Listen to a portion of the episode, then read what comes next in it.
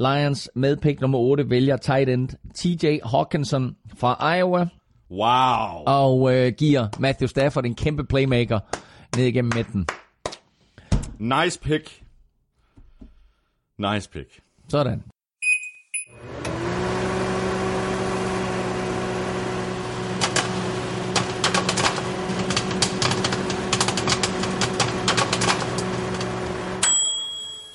Ja, og øh, her sidder vi igen, Elming, og vi er så klar til nogle flere picks. Ja, og jeg må indrømme, jeg ved ikke, om han har det. TJ Hawkinson. Hvad for noget? Nice pick. ja, og det er godt. Det er en god start, det her, Elming. Uh, som, uh, som Andreas øh, Svane, han skrev på, på Twitter her for et uh, par dages tid siden. Uh, The pick is in. I love this pick. I har fuldstændig ødelagt det ord for mig. Hvad siger du i øvrigt til uh, pick uh, 118? Jeg elskede pick 118. Ja. Måske årets bedste pick. Exactly. Hvis du ikke er til picks, så er du gået forkert. Du lytter nemlig til NFL-showet, og i dag der har vi selvfølgelig primært fokus på draften og Hjalte. NFL-showet er optaget live on tape og er produceret af Kvartrup Media i samarbejde med Tafel og Odset fra Danske Spil.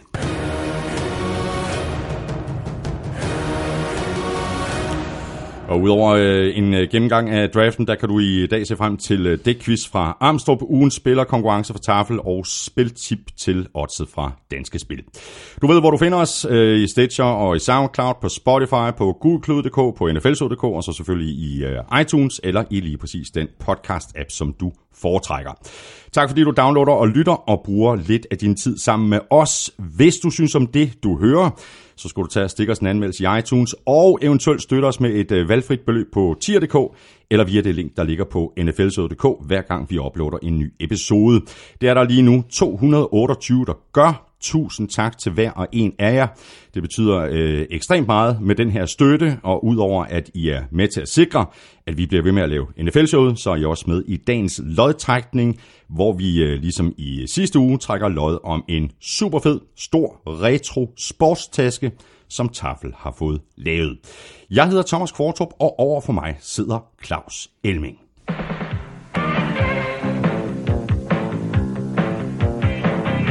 The Jets and became contenders. And we cheer them on. Ja, hvis man ikke øh, skal starte med, med Patriots øh, fight song på, altså i sådan And en... the jinx was gone. Hvornår skal man så? Hjalte, mand! Og Ja. er det vildt. Hjalte Froholt til New England Patriots. Vi kommer til at tale meget mere om det, men det her det er en rigtig god situation for ham. Er du tosset, mand. Øhm, var du ellers øh, tilfreds med, med draften øh, i forhold til Vikings? Og jeg synes, det var en øh, rigtig dejlig draft på mange måder. Øh, og lige med hensyn til Vikings, der vil jeg sige generelt set ja. Jeg synes, det var en meget, meget fin draft, hvor vi både fik øh, nogle dygtige spillere ind og fik fyldt nogle huller. Øh, der var et enkelt pick eller to, hvor, jeg sådan, øh, hvor, hvor man sidder lidt tilbage og tænker, but why? Ja, why? Ja, Men, sådan havde jeg øh, det også med 49ers. Men, øh, men ellers så faktisk en rigtig fin draft. Og ved du, hvad der også er fint? Øh, Det er det, som er over i den der sprit nye uh, taffelsæk, som uh, står lige ved siden af dig. Den, der er ikke så meget i den. Det er til gengæld nyheder. Der er kun to poser. Der er to poser. Nyheder. Godt, jamen jeg trækker den første op her. Det er taffel osterejer med et strejf af sour cream og onion. Og vi skal have dem åbne. De, skal de, vi. De, de, de, de, de er sprit nye. Hvad, hvad, Godt, det, den andet, Det er, anden- det, det er, vi er tilbage i 80'erne. Ja, hallo, taffel lørdagskylling. Lørdagskylling. Har vi ikke haft den før? Nej. Har vi ikke? Er Ja, den det helt tror jeg ny? ikke. Ja, det er sprit ny. Lørdagskylling. Det er fantastisk. Det er simpelthen så 80 Jeg håber, min lillebror han sidder og lytter med nu, fordi Godt, det her, det var da en klassiker i Jeg, vores jeg, må, jeg må insistere på, hvad det hedder. Åbner vi en hver her. Godt. Åh. Osterejer. Med sour cream and onion. Mm. Jamen, de er jo mega gode. Hold kæft. Nå, de det bytter. lørdagskyllinger. Jamen, de ligner jo faktisk de der andre, den der anden. Øh... Ja, ja, men øh, det, det er limited øh, edition, og så er der øvrigt øh, comeback øh, til en af mine favoritter. Mm. Super Snacks med sour cream and onion, kun i Rema 1000, der fejrer fødselsdag i den her uge. Så det skal fejres med sådan et comeback. Bum, bum. Bum, bum. Der, der bliver run på Rema 1000. Exactly.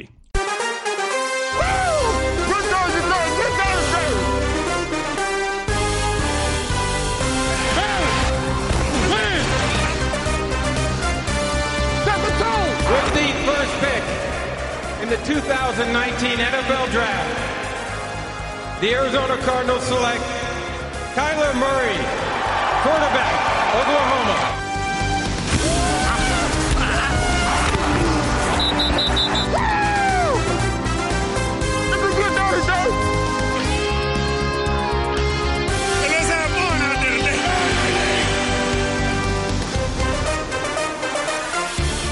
Så kom vi igennem NFL-draften 2019, der for os danskere altid vil blive husket for, at det var i den draft, at Hjalte Broholt blev valgt af New England Patriots. Vi går draften igennem og giver vores bud på, hvem der klarede det godt og knap så godt. Jeg hedder Thomas Kvartrup, og med mig har jeg Claus Elming.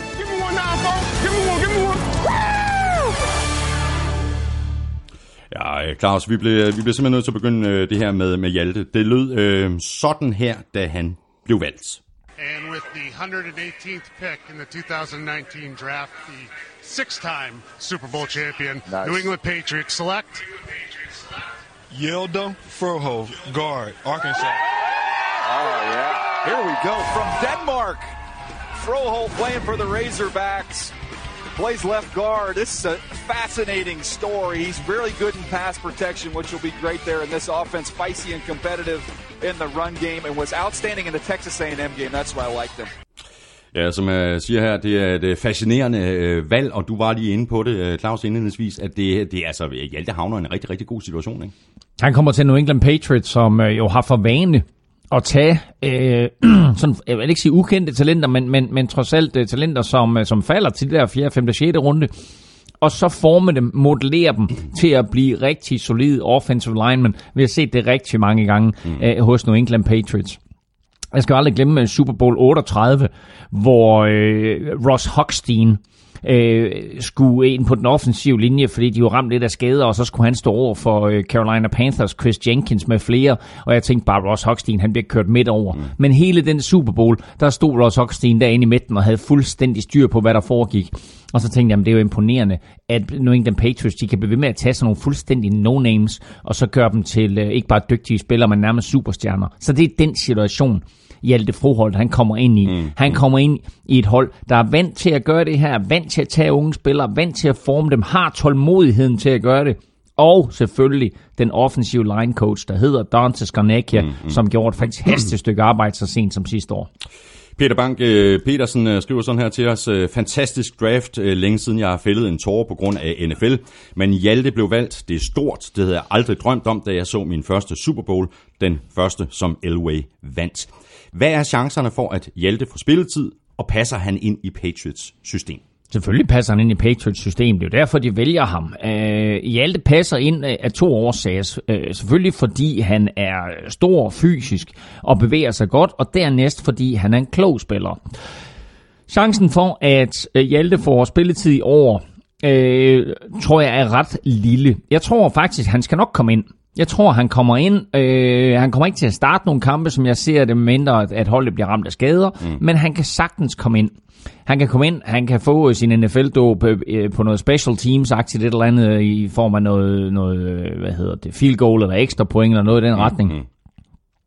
Øhm, men øh, jeg kunne godt se ham blive coachet øh, og blive formet, modelleret til at komme ind, måske og starte som guard, men de, øh, de ting, jeg hører fra Patriots-lejren, det er, det her det er den kommende center. Mm. De har taget ham, fordi han er en klog spiller. De har taget ham, fordi de godt kan lide ham som center. De har taget ham, fordi han med sit intellekt skal pege ud over for de andre holdkammerater på den offensive linje. Hvem er det, vi skal blokere? Hvem skal du tage? Hvem skal jeg tage? Hvem er det, der er farlig? Hvem er det, der blitzer? Alt, som de kan gøre for at beskytte Tom Brady et eller to eller tre år endnu, hvor lang tid den gamle mand nu har tænkt sig at spille. Så, så er der jo garanteret mange, fordi øh, center og, øh, i det hele taget øh, spiller på den offensive linje, de tjener, øh, de tjener gode penge. Det er, jo, øh, det er jo stjerner, som man så ikke så ofte taler om, fordi det, det primært er, når de begår en fejl, at, øh, at de bliver nævnt øh, på, på tv. Men der er sikkert, der er sikkert nogen, der, der, der sidder og tænker, hmm, hvor meget øh, kan Hjalte egentlig komme til at tjene? Altså, jeg ved ikke, hvor han kom til at tjene på den lange bane, men på den korte bane, der øh, tjente han omkring 2,5 millioner bare i lørdags. Altså ved at blive draftet nummer 4, så har han via overenskomsten sikret en, øh, en løn øh, lidt op og ned til forhandling men omkring 2,5 millioner kun for sin signing bonus. Mm. Dernæst øh, er han så over de næste fire år, hvis han fuldfører kontrakten, sikret en gennemsnitsløn på lidt over 800.000 dollars, øh, og regner man det hele sammen, så bliver det over de næste fire år omkring 20 millioner kroner. Dernæst er han så stadigvæk i NFL. Er han stadigvæk hos Patriots? Er han stadigvæk en dygtig spiller? Er det en spiller, som folk vil have? Så har han jo øh, forhandlingens øh, kraft i, øh, og det er ham, der sidder med alle kortene på hånden, så får han den store kontrakt. Mm, mm. Men det er de første, og, man, og selvfølgelig er 20 millioner kroner, hvis han gennemfører sin kontrakt. Det er også Ja, værd, det det er også værd at tage med, det- ja, det er selvfølgelig. ikke? Men, øh, men det her, det er, det er en rigtig, rigtig god start. Ja, helt ærligt. Altså Patriots, Brady, Belichick. Hvad så? Super Bowl? Super Bowl ring Altså, Hjalte. altså- det er jo ikke, altså, øh, han kunne være havnet mange andre Ja. steder, hvor vores sandsynlighed ville være langt, langt mindre. Jeg sagde i et uh, NFL-show, et podcast for to-tre gange siden, der sagde jeg, øh, du hørte det her først, New England Patriots vinder ikke AFC East i år. Det må jeg trække tilbage. Så øh, det, lad, os, øh, lad os da bare håbe, at øh, Patriots-dynastiet det ikke er helt slut endnu. Ja, for, om ikke andet så for Hjaltes skyld. Der er landet så øh, lidt... Øh, Jeg vil lige sige, u- udelukkende for Hjaltes. Udelukkende for skyld. Der landede så lidt, øh, lidt dårlige nyheder i aftes, øh, set med danske briller. Øh, Simon Mathisen, han er blevet fritstillet af Buccaneers. Der, Ah, ah, ah, Philip Friis Andersen. Åh, oh, pardon, pardon, pardon. Det er okay. Fuldstændig korrekt. Jeg ved ikke, hvorfor jeg har noteret øh, Simon Mathisen, fordi han har jo, er han har jo gang i sit, øh, Ja. i sit uh, eye-tracking-system Ja. der. Ja, Philip, han er blevet, øh, han er blevet fritstillet. Box, de øh, draftede en, en kicker i, hvad var det, i femte runde. Femte runde. De draftede en fyr, der hed Matt Gay, og Matt Gay har haft en rigtig solid college-karriere. Han har været den højst øh, rated kicker de sidste to sæsoner. Og øh, han blev draftet i femte runde, og dermed så øh, kom øh, så kom Philip Friis Andersen i overskud øh, og blev kortet. Der var, der var Philip Friis, og så var der Caio Santos Ja. på Buccaneers holdkort, og nu hiver de altså den her kicker ind, og øh, der spilte de ikke tiden, der, der sendte de simpelthen Philip Friis Andersen på porten i går, og det er selvfølgelig ærgerligt for ham, men som vi har talt om nogle gange, nu er han inde i NFL-varmen, andre klubber har hørt om ham, har set ham, lad os håbe, at det betyder, at han får chancen for at komme ind, øh, og i hvert fald øh, give det et skud til nogle prøvetræninger, hister Ja, her hos andre ja. klubber. Og når vi nu er ved øh, kicker alligevel, så har øh, Sebastian Janikowski, han har stillet øh, støvlerne på hylden. Efter Ja, en ja. lang, lang karriere. Ja, for pokker. Øhm, den eneste kicker i, øh, i ualmindelige tider, som er blevet draftet i første runde jo, mm. øh, af, af Oakland Raiders, og man kan sige, at altså, øh, folk rynkede lidt på næsen, dengang han blev draftet i første runde, men han havde jo en, en meget, meget lang, meget, meget fornem karriere, først for Oakland og siden for Seattle Seahawks, og nu har han altså så valgt at, at stille støvlerne på hylden og, og sige, nu er det slut med det polske mm. venstreben. Men det er jo præcis sådan noget, der gør, at Philip Friis Andersen måske får chancen for at så lige komme til Seattle og, og så øh, prøve at sparke sig ind på, på, på holdet derop. Mm. Og det er jo det, der sker med de her forskellige klubber. Der er nogle kicker, der går på pension, der er andre kicker, der måske ikke slår til, og så skal Philip være være med af det her, og i, med i det her omrejsende cirkus af kicker, Ja, præcis. som kommer ind til prøvetræninger, og så forhåbentlig får han chancen. Ja, ja, præcis, og, og om ikke andet, altså han holder sig i gang, og så måske i løbet af sæsonen, hvor der er nogle kicker, der ikke lever op til, Præcis. til forventningerne, og så ryger de på porten, og så hiver de en 3, 4, 5 kicker ind til prøvetræning, og så kan det være, at, at Philip han får chancen der. Lige nøjagtigt.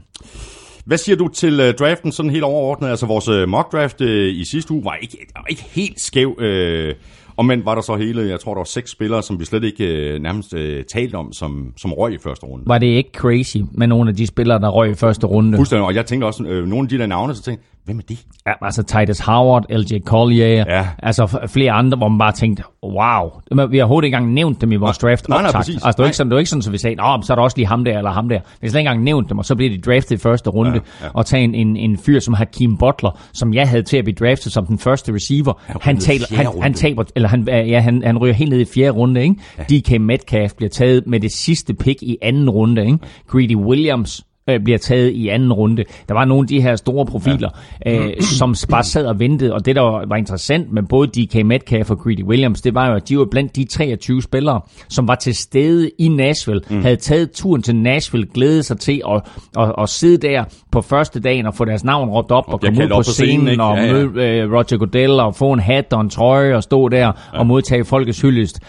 Og så sidder de hele torsdag, og så kan de så tage hjem og overnatte på hotellet torsdag, så kan de så komme ind fredag, og så sidder de der fredag og venter og venter og venter, og Greedy Williams får op sit navn op, sådan midt i, midt i anden runde. DK Metcalf kan bare sidde og se en efter en efter ja, en, og så heldigvis, så bliver han der råbt op som sidste mand i anden runde. Men det er jo derfor også, at øh, fra at der var rigtig mange spillere til stede til draften før i tiden, så er det jo blevet færre og færre. Fordi jeg kan da godt forstå, at de ikke gider at sidde der.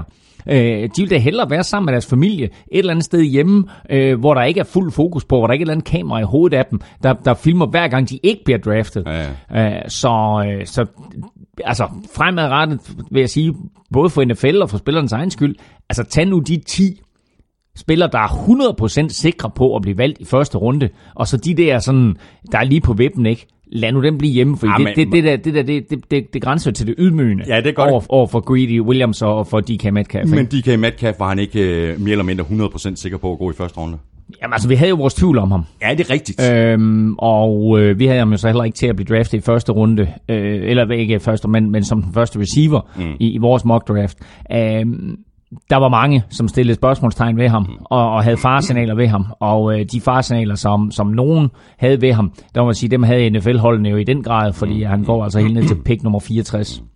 Og så må jeg bare sige øh, endnu en gang, øh, Claus, øh, super, super live-dækning, I havde på, på Google Klud. Øh, super opsamling, super overblik. Øh, respekt øh, til alle dine drenge øh, for det der helt enorme arbejde, der er blevet, blevet lavet her de seneste dage. Ikke at der ikke bliver lavet øh, fornemt arbejde hele året rundt, men, men det, det er virkelig imponerende. Jeg vil også sige, at det er nok det fornemmeste stykke arbejde, vi har gjort i, i den tid, vi har haft Gud Klud, der jo startede i 2013. Øh, vi holdt et stort draftmøde øh, i øh, forrige, eller sidste mandag, øh, og legnede fuldstændig op, hvad der skulle ske i løbet af ugen, og havde selvfølgelig gjort alt klar, også med hensyn til Hjalte og så videre, og øh, mere eller mindre alt klappet i forhold til den plan, vi lagde. Så kæmpe stort stykke arbejde for alle drengene på Gud Klud, og øh, har man ikke vendt at tjekke alle de fede nyheder, der er, både om Hjalte, men også om draften som helhed, og selvfølgelig alle de andre nyheder, Jamen, der, er, der er i NFL. Ikke? Men så gå ind og tjek. Ja, og, og man, man kan jo eventuelt øh, gå ind på gulklud.dk og så øh, læse øh, de her oversigter, altså draft, rækkefølge osv., og måske øh, sidde og kigge med og læse om de enkelte spillere, sådan som vi sidder og gennemgår draften her i,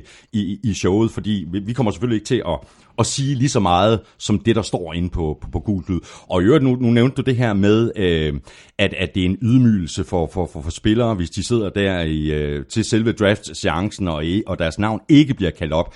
Og så er der selvfølgelig mange, der, der vælger at øh, være hjemme hos øh, familie og venner, ligesom Hjalte Froholt jo gjorde. Mm. Og der er faktisk også inde på Gudlud, der er der det her helt øh, fantastiske øjeblik, hvor Hjalte han bliver ringet op.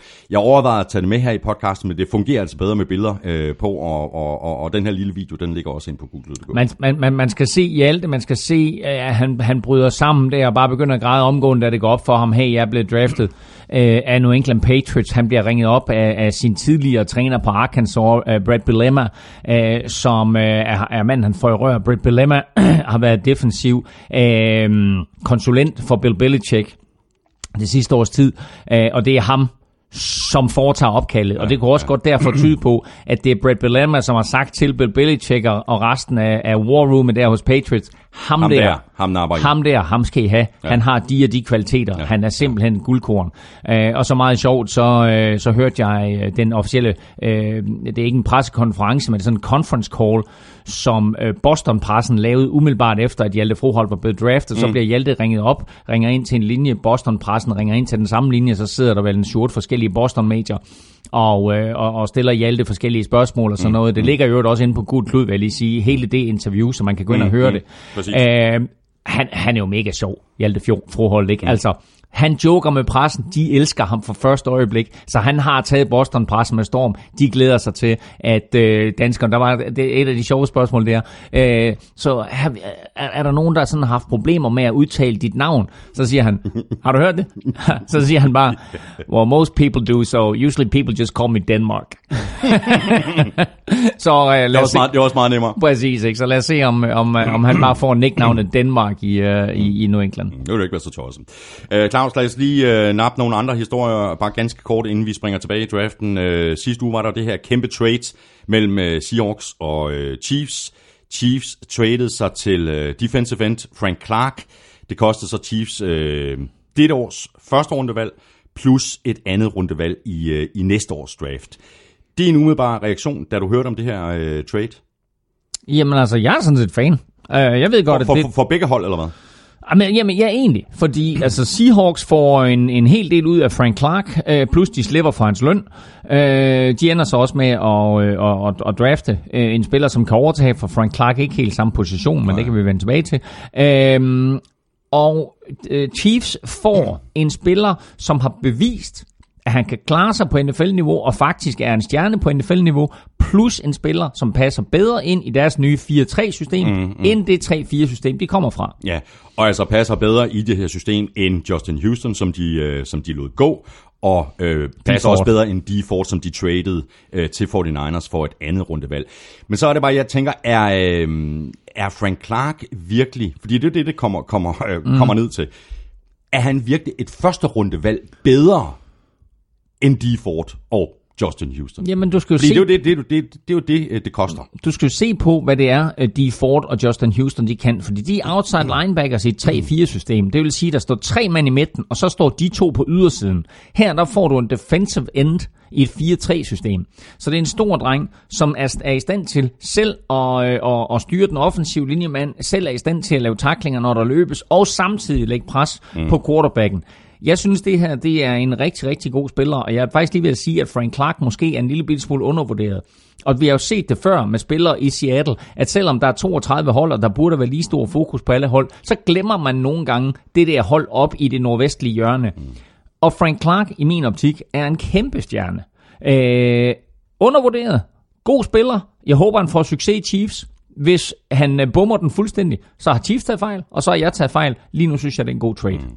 Men de må ikke sådan være specielt nervøse for, for character issues øh, i Kansas City. Altså, der har tidligere, godt nok helt tilbage i college, øh, været lidt problemer med Frank Clark. Øh, så var der hele historien om Kareem Hunt, øh, der røg på grund af vold, og nu spidser situationen så alvorligt til for Tyreek Hill. Øh, det er den der sag øh, tilbage fra marts, som vi har øh, mm. talt om ganske kort, øh, Claus, hvor øh, Tyreek Hills søn brækkede armen i øh, Tyreek Hill og kærestens hjem. Og nu er der så dukket en, en rigtig skidt lydfil frem. Ja, rigtig skidt kan ikke engang, det beskriver det ikke. Altså, den er så, den er så ulækker, den øh, lydfil, hvor kæresten og Tyreek Hill sidder og taler sammen. Jeg kan faktisk ikke gengive den, for jeg kunne ikke lytte den til ende. Nej. Øh, det er forfærdeligt, hvad Tyreek Hill han sidder og siger. Og selvom Tyreek Hill i første omgang, sagen mod Tyreek Hill var faktisk blevet afvist, og så pludselig så dukker den her lydfil op, og så er jeg ret sikker på, at nu, øh, nu kommer der altså en, øh, nu kommer der en, en, en opfølgning på den her retssag. Chiefs har i første omgang fritstillet ham, eller ikke fritstillet ham, men øh, suspenderet ham. Mm. Øh, jeg forestiller mig ikke, at Tyreek Hill han kommer til at spille fodbold i 2019. Jeg forestiller mig ikke, at han kommer til at spille fodbold for Chiefs mere. Og alle skal have en chance nummer to, men den lydfil, den er simpelthen så voldsom, at jeg håber faktisk, at Tyreek Hill han er færdig med at spille fodbold. Ja, det håber jeg også, fordi øh, ja, du, du siger det selv, altså øh, det er meget udpenslet og detaljeret, og det er bare så ubehageligt, altså. Ja, Så, sådan men, øh, men, men det betyder så også, at, øh, at Tyreek Hill han er, han er væk fra Chiefs, og de to allerede her i draften, der tog de et skridt i den retning, der hedder, at, øh, at de vil erstatte ham, fordi de Ja. draftede en spiller med nogenlunde de samme kvaliteter, som han har. Præcis. Andre ting, vi lige kan notere, inden vi tager, tager fat øh, på draften. Steelers har givet Roethlisberger en kontraktforlængelse med to år til udgangen af 2021. Ja, og det øh, harmonerer meget godt med det her, vi har talt om, at øh, der er en, øh, der er en overenskomst, som øh, NFL og Spillerforeningen skal til at forhandle, og vi vil se mange af de her kontrakter, som kommer til at løbe op til og med øh, overenskomstens udløb, som er om to år, og så kan jeg lige i den retning øh, fortælle, at øh, begge parter er opmærksomme på den her, så det første indledende møde omkring ny forhandling af den her overenskomst blev taget i sidste uge. Øh, altså ikke i den uge med draften, men ugen inden draften. Og øh, det betyder bare, at man fra NFL's side, fra ejernes side og fra Spillerforeningens side er fuldt ud opmærksom på, at vi skal ikke ind i noget strækkeværk, som Nej. Vi har set det to gange tidligere i NFL. Vi skal ikke ind i en lockout-situation, som man så det i ishockeyligaen NHL, som varede et helt år. Det her det er en sag, som er begge parter meget vedkommende. NFL, ejerne vil gerne tjene penge, det vil spillerne også gerne. Mm. Hvordan fordeler vi den her gigantiske kage, vi har fået opbygget? Mm. Så er der en øh, spiller, der har fået en øh, lidt større bid af, af den her kage, end han ellers øh, gjorde i forvejen. Det er Ravens, der har forlænget med øh, kicker Justin Tucker, der nu er den bedst betalte kicker i ligaen. Ja, og jeg har ikke tallene. Har du tallene? Jeg har faktisk ikke, nej. Okay, jeg, altså det er jo... jeg, øh, jeg så det, men det er faktisk en ret stor kontrakt. Han fik, en, han fik en kæmpe kontrakt. Jeg kan lige prøve at se her, øh, fordi øh, vi må have den liggende. Øh, Du skal tage til igen på gul klud, de har den garanteret. Har de den, tror du? øh, Ravens gør Justin Kicker til den bedst betalte kicker i NFL. Øh, og øh, der står her, Ravens giver Justin Kicker en fireårs kontrakt Justin på... Kicker. Sagde Justin Kicker? To gange. Kun to gange. Gjorde det? Ravens øh, giver øh, Tucker, Justin Kicker, en fireårs kontrakt på 23,5 millioner Ja, det er meget godt, ikke? dollars, inklusiv 12,5 millioner fuldt ud garanteret. Det er, Sådan altså, der. det er altså sådan en, øh, hvad er det, det er en 80 millioner kroner aktie, det er et eller andet, Ja, ikke? Øh, så øh, det er, det, er da, det er da meget godt. Det er, Det da meget er, godt. det er rigtig godt for Justin Og- Kicker. 8 million dollar signing bonus. Sådan der. Det er også meget godt ja. for en kicker. Sidste lille note, det er øh, running back Jonathan Stewart. Han stopper efter 11 år. Han har, øh, han har skrevet, så vidt jeg forstår det, han har skrevet et kontrakt for, for en enkelt dag, så han kan stoppe som Panthers-spiller, ikke? Ja, og det er sjovt, det har Jonathan Stewart, og det har CJ2K også. Så, Okay, så det Chris, vidste jeg faktisk. Chris Johnson har skrevet en endags kontrakt med Tennessee Titans, så han kan blive pensioneret som uh, Tennessee Titans-spiller. Han får nok en eller anden hyldest i form uh, i, i forbindelse med den første hjemmekamp, men uh, officielt farvel og tak til CJ2K. Og lad os så komme tilbage til uh, draften, og vi kan lige lægge ud med, øh, med den uh, muligvis uh, bedste præsentation af et pick nogensinde. Det er den tidligere Colts punter, Pat McAfee. Og jeg kan desværre ikke rigtig gøre noget ved de her amerikanske tv-kommentatorer, der taler ind over, men uh, godt, det er det. Hello, not going to say a single word about the Tennessee Titans record against the Indianapolis oh, Colts because I was a punter, and there's no reason for me to talk about that. With that being said, we did not punt much against the Tennessee Titans, so you probably have no clue who I am to begin. Two years ago, when I retired from the Colts, I retired alongside two greats, Robert Mathis and Joe Wrights. A couple months later, I watched the draft. Robert Mathis announced the pick, Joe Wrights announced the pick, and then an orangutan announced the fourth round draft pick. I was replaced by a zoo animal. I was not upset about it because the orangutan was terrible at his job. With that being said, the Indianapolis Colts are the hottest team not only in the AFC South, but the entire NFL. A young nucleus surrounding oh. the Stanford nerd Andrew Luck. Two All Pros were drafted last year, 10 this year, and with the 89th pick of the 2019 NFL Draft, the Indianapolis Colts, Jim Irsay and Chris Ballard select future Hall of Famer, linebacker from Stanford, Bobby Okariki. Okariki. Ricky! Hold kæft, det er sjovt, mand. Det er simpelthen... Helt fra start til slut. Det er så klasse. Altså, den er så, den er så underspillet, den er så sjov, og Pat McAfee øh, har jo sin egen øh, podcast og talkshow, og han er jo helt igennem fantastisk. Fuldstændig. The Stanford Nerd, Andrew Luck, We didn't punt much. og det, og det er. Det er så sjovt. Dennis Lyne, han skriver her, at øh, han har fulgt meget med i draften de seneste par år, og at han er øh, kæmpe fan af Las Vegas, hvor han, har været en øh, 8-10 gange. Nu har han så øh, temmelig øh, strategisk og smart planlagt sin næste Vegas-tur til de dage næste år, hvor draften foregår i lige præcis øh, Vegas. Og Dennis, han, øh, han skriver sådan her, når man ser billeder fra Nashville i år, så ser det ret pakket og vildt ud. Hvordan får man billetter til at komme ind og se draften live? Vi, øh, Google Klub havde jo to mand derovre. Vi havde Alexander Påske og Lasse Meininger derovre, øh, og øh, de gjorde et helt øh, fænomenalt stykke arbejde derovre med at dække draften øh, fra øh, Nashville. Og øh, de fortalte, at øh, man kan sådan sige, sige der, er, der er tre niveauer øh, af tilskuerpladser. Der er det, den forreste niveau, det er sådan nogle VIP-pladser, som man simpelthen betaler for, så man kan være så tæt på scenen som overhovedet muligt. Mm. Så er der andet øh, niveau, anden bølge. Øh, der kan man reservere plads via en draft-app, Øh, og så bag ved dem, der er der simpelthen fri adgang. Øh, og det her med, med, med, med draften i Nashville har jo bare udviklet sig altså i, i helt ekstrem grad. Ikke, ikke så meget i Nashville, men, men draften i det hele taget. Men Nashville øh, var den flotteste og største fejring mm. af draften, øh, som NFL har haft. Man skal lægge mærke til, at det blev mange år holdt i Radio City Music Hall i New York City, og det var også fint, men der var selvfølgelig begrænset plads både til antal tilskuere og til presse videre. Og så er der et eller andet arrangement i Radio City Music Hall for en, en 7-8 år siden, som gør, at NFL ikke kan få Radio City Music Hall den weekend, hvor der er draft. De er nødt til at finde på noget andet, og så siger de, hey, nu sender vi draften på tur. Mm.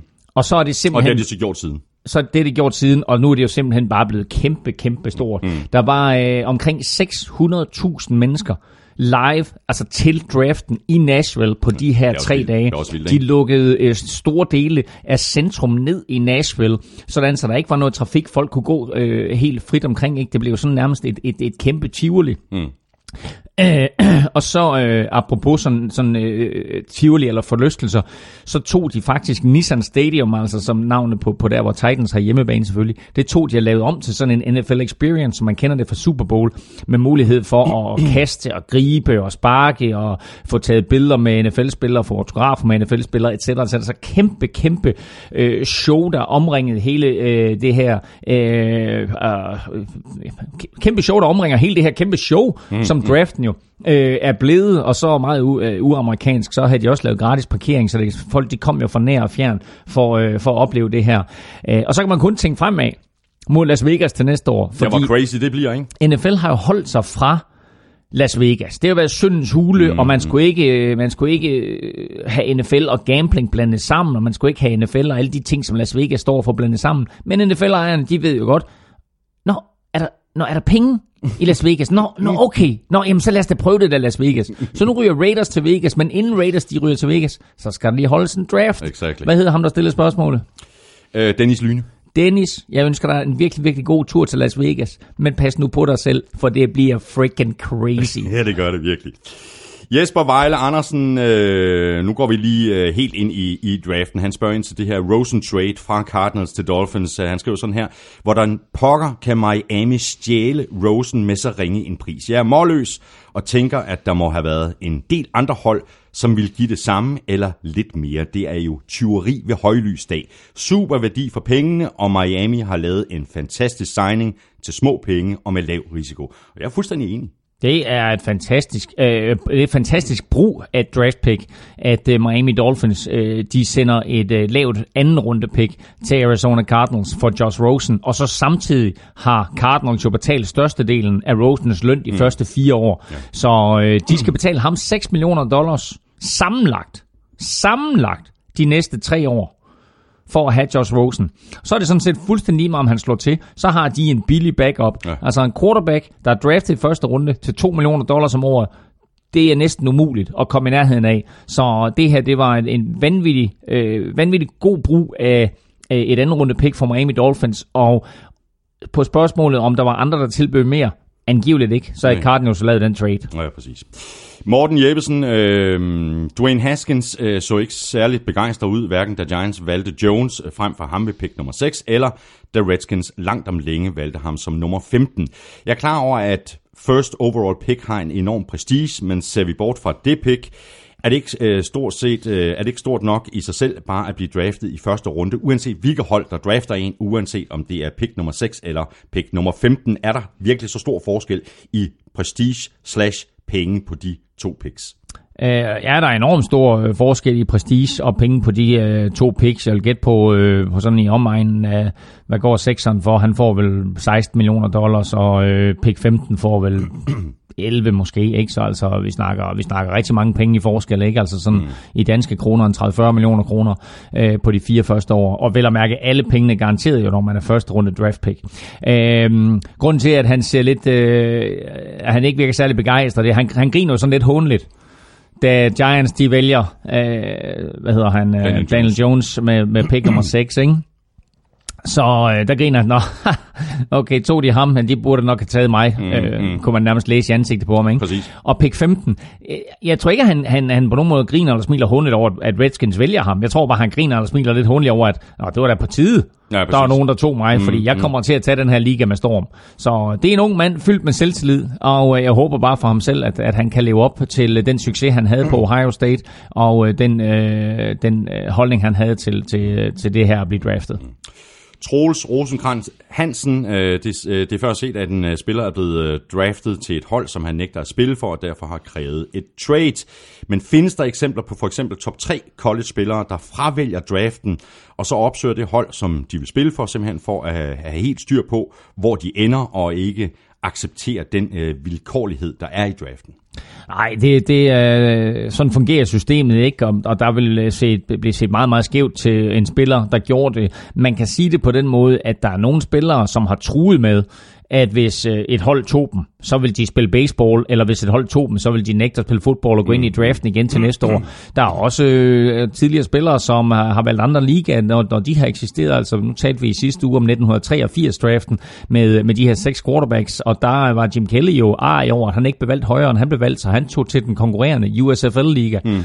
øh, og spillede et par sæsoner der, inden han så kom tilbage til NFL og spillede for Buffalo Bills, der stadigvæk havde rettighederne til ham, og fik jo så en fabelagtig karriere for Buffalo Bills og tog dem til fire Super Bowls, øh, uden at de jo vandt den eneste, men, øh, men Jim Kelly jo øh, Hall of Famer nu, og en, og en vanvittig dygtig quarterback. Så, så han, han, han sagde simpelthen, det der, det gider jeg ikke. Mm. Øh, og der er andre spillere, som selvfølgelig har på en eller anden måde stillet sig på bagbenene og sagt, det der, det kommer ikke til at ske. Så det interessante også ved, at Cardinals vælger Kyler Murray, det er jo, at Kyler Murray jo er den første spiller, der er draftet i første runde i baseball, altså Major League Baseball ligaen og i NFL. Aldrig er der en spiller, der, der er flere andre spillere, der bliver draftet begge ligaer, men der er ingen spiller, der er blevet draftet øh, i første runde af begge ligaer, og så har han endda et top 10 valg i begge ligaer. Mm. Og det interessante det er, at godt nok har han meldt ud, jeg er fodboldspiller, men han meldte også ud i sin tid til baseball-ligaen. Jeg er baseballspiller, jeg behøver slet ikke bekymre om det her fodbold. Præcis. Cardinals har angiveligt ikke fået en klausul, før de draftede ham, på at han vælger at spille fodbold. Han vælger, håber jeg, og tror jeg på, at spille fodbold. Fordi det lader til, at det er hans største kærlighed, mm. når det kommer til sport. Men han, har, men han har et alternativ, hvis det nu ikke går så godt med det der fodbold. Præcis. Ikke? Og siger, okay, to år, hvor jeg bliver tævet øh, løs på, ikke? Lige så nej, ved du hvad, så tror jeg heller Ja, det der og, baseball, og Oakland ikke? A's, han er draftet, har han da oppet øh, det, det antal dollars, de vil give ham, mm. i stedet for sådan en anden standardkontrakt, han får, så vil de give ham 14 millioner dollars ekstra for at holde ham ude af fodbold, men øh, nu lader der sig til, at han vælger fodbold. Allan Hovmark øh, skriver sådan her, nogle klubber er meget aktive på øh, free agents efter draften. San Diego, oh, ja, det skriver, det skriver Allan faktisk, han kalder på den her, ikke? han kalder på den, Allan Hovmark. Det er stærkt. Det er, det er stærkt. lige præcis. Sådan, Allan. Tak for det. Eps. San Diego, LA Chargers med 19 signings og andre klubber slet ikke. Det kan der jo være mange gode grunde til. Spørgsmål. Vi lader den lige hænge. Lad den lige hænge.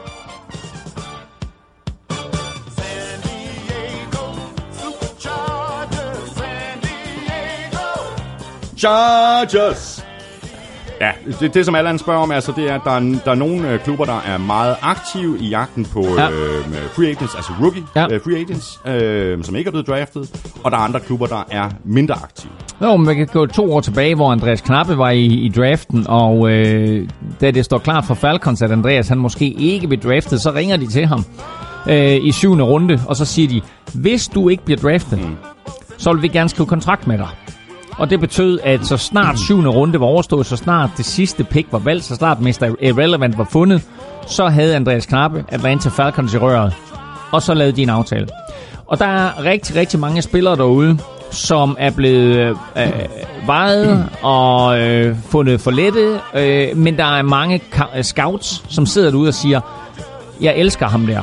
Jeg ved godt, vi ikke har plads til at drafte ham, men vi skal have ham ind i vores system. En scout, der har brugt lang, lang tid, måske flere år, på at, at, at finde den her spiller, og også prøve på at hype ham i, i holdets war room, uden at det lykkes holdet at drafte ham. Og så siger scouten, vi skal have ham derind i systemet. Og der finder man jo undraftede spillere, som øh, får, får succes. Der er jo masser af eksempler på undraftede spillere, som kommer ind, og der er flere eksempler hver evig eneste år på undraftede spillere, som kommer ind mm. og slår en draftet spiller af, Ja, ja, præcis. simpelthen fordi de skal ind i træningslejren mm. øh, og bevise sig selv. Mm. Men altså, Allan han spørger så, hvorfor er der øh, den her forskel på øh, nogle klubber, der er meget aggressive, og så andre klubber, der er mere tilbageholdende. Altså, det kan der være mange gode grunde til, som, som Allan skriver.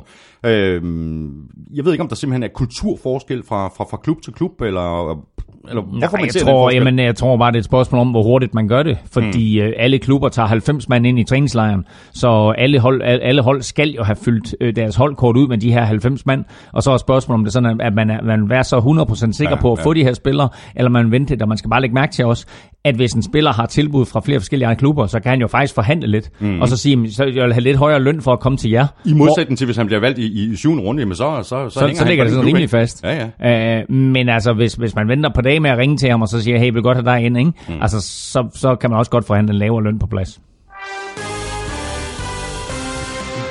Vi skal have quizzen! Åh, Det er tid til quiz, quiz, quiz, quiz, quiz. Nå, jeg er stadigvæk imponeret over den der, som du nailede, uh, Amstrup's uh, dækquiz i sidste uge. Det var Amstrup vist også, Ja. som, som jeg kunne se på Twitter. Nå, jamen, jeg har en quiz til dig i dag. Og jeg er imponeret og lidt ærgerlig, ikke? Nå, ja, jo, nej. Jeg synes, det er fedt, at når han stiller så god en quiz, at jeg så også nailer den. Øh, med lidt held, vil jeg sige. Men øh, sådan er det. Nå. Øh, jeg har en quiz til dig i dag. Ja. Der er 12 point at hente. Fuck, man.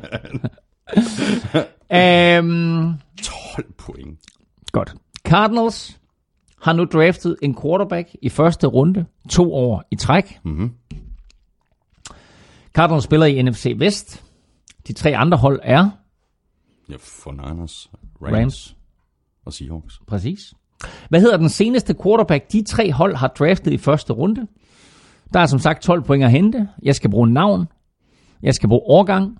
Jeg skal bruge nummer i draften, og jeg skal bruge skole. Slap af. Kom nu. NFC Vest. Første runde quarterback. Første runde. Quarterback. Hold da kæft.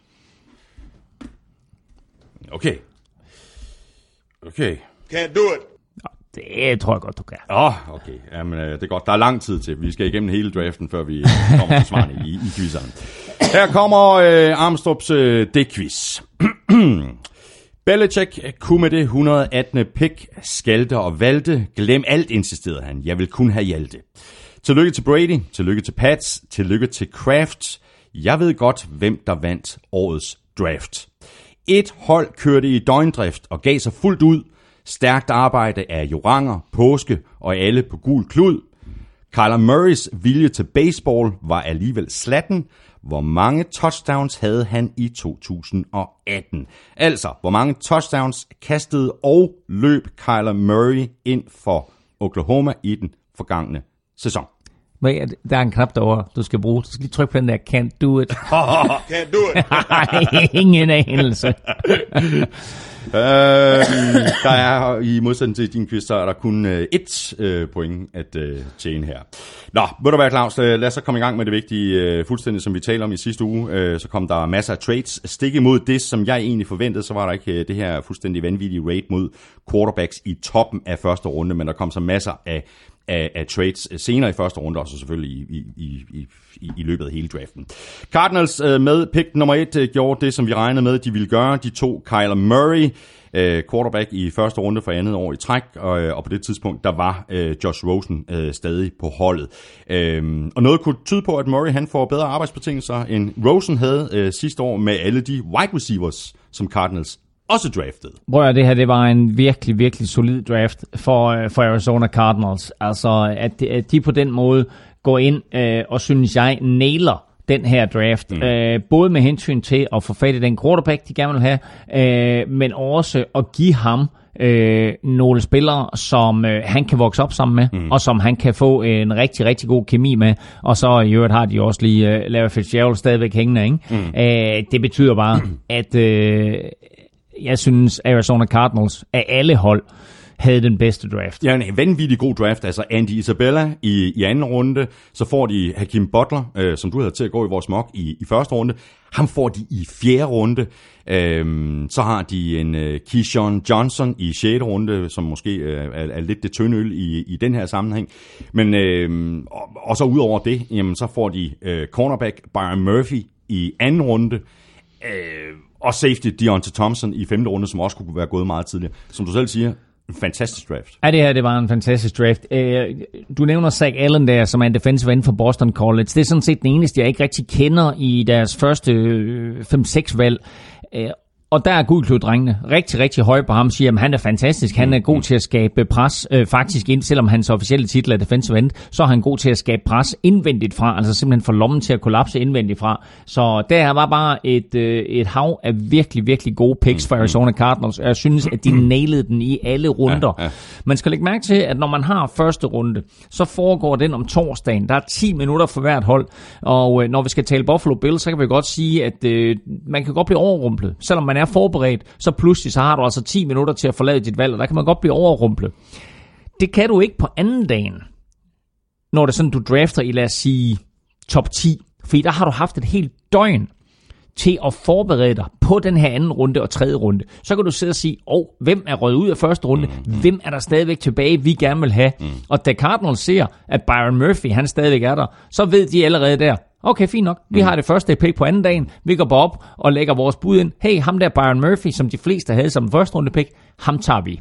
Og sådan er det, fordi, fordi de holdt om, lad os sige, top 10-12 stykker Ja, i anden ja. runde. De er sådan nogenlunde klar over, der er den her pulje af virkelig dygtige spillere tilbage, som ikke er valgt i første runde. Vi skal have en af dem. Mm. Videre til øh, 49ers, øh, der faktisk også gjorde, som vi regnede med, øh, i hvert fald i forhold til øh, deres øh, første pick, Nick Bosa. Øh, der var ikke så meget tvivl. Øh, og så, man må kigge på den her front seven, øh, som, øh, som 49ers har nu, altså helt forrygende i hvert fald på papiret. Bosa, D. Ford, DeForest Buckner, Solomon Thomas, Eric Armstead, Quan Alexander, Fred Warner.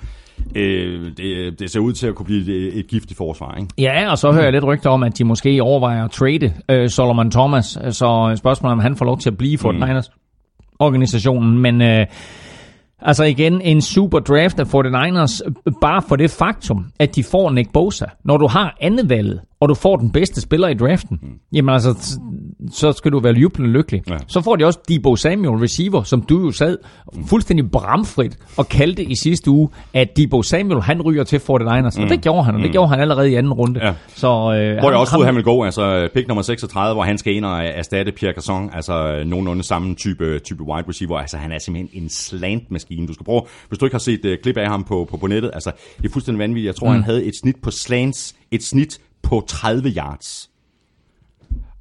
And I'm not even kidding.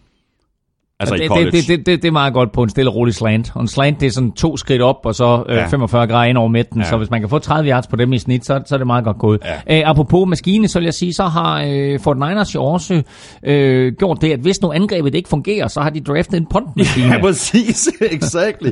Og det øh, i, i fjerde runde, det kom noget bag på mig, og det var, øh, jeg fik en, en dejlig sms fra din bror, Jesper. ja. Hvem fanden drafter en punter i fjerde runde? Spørgsmålstegn. Og så kommer han, og så skriver han, Nå ja. og jeg var sådan lidt hægtet af draften på det der tidspunkt. Jeg var til noget familiehejs, og så, hvem?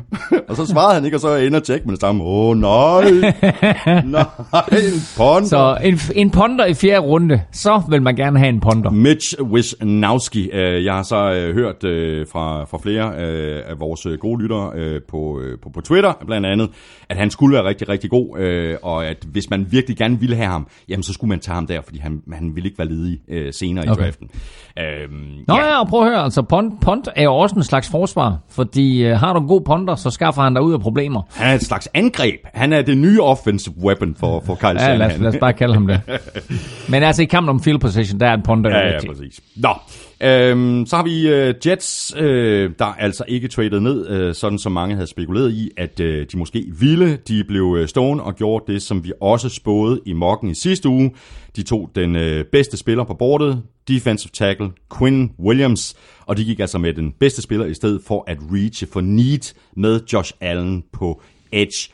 Og der var jo rigtig mange, i rigtig, rigtig mange mocks, der havde Josh Allen til at gå, mm gå til Jets. Ja, ja, men i, i den mock, som virkelig betyder noget, en NFL-shows mock fra i sidste uge, der øh, draftede general manager Thomas Kortrup jo Quinn Williams til New York Jets. Så endnu en gang øh, godt set af draft-eksperten derovre. så Quinn Williams, super, super spiller, og kan han konvertere den succes og, og, og den evne, han havde til at smadre modstandernes angreb i college, ja, kan han konvertere det til NFL-niveau, så får alle offensive linemen, så får de altså store problemer med at håndtere Quinn Williams, så glæder jeg til at se ham. Og så i anden runde, der går øh, Jets ind.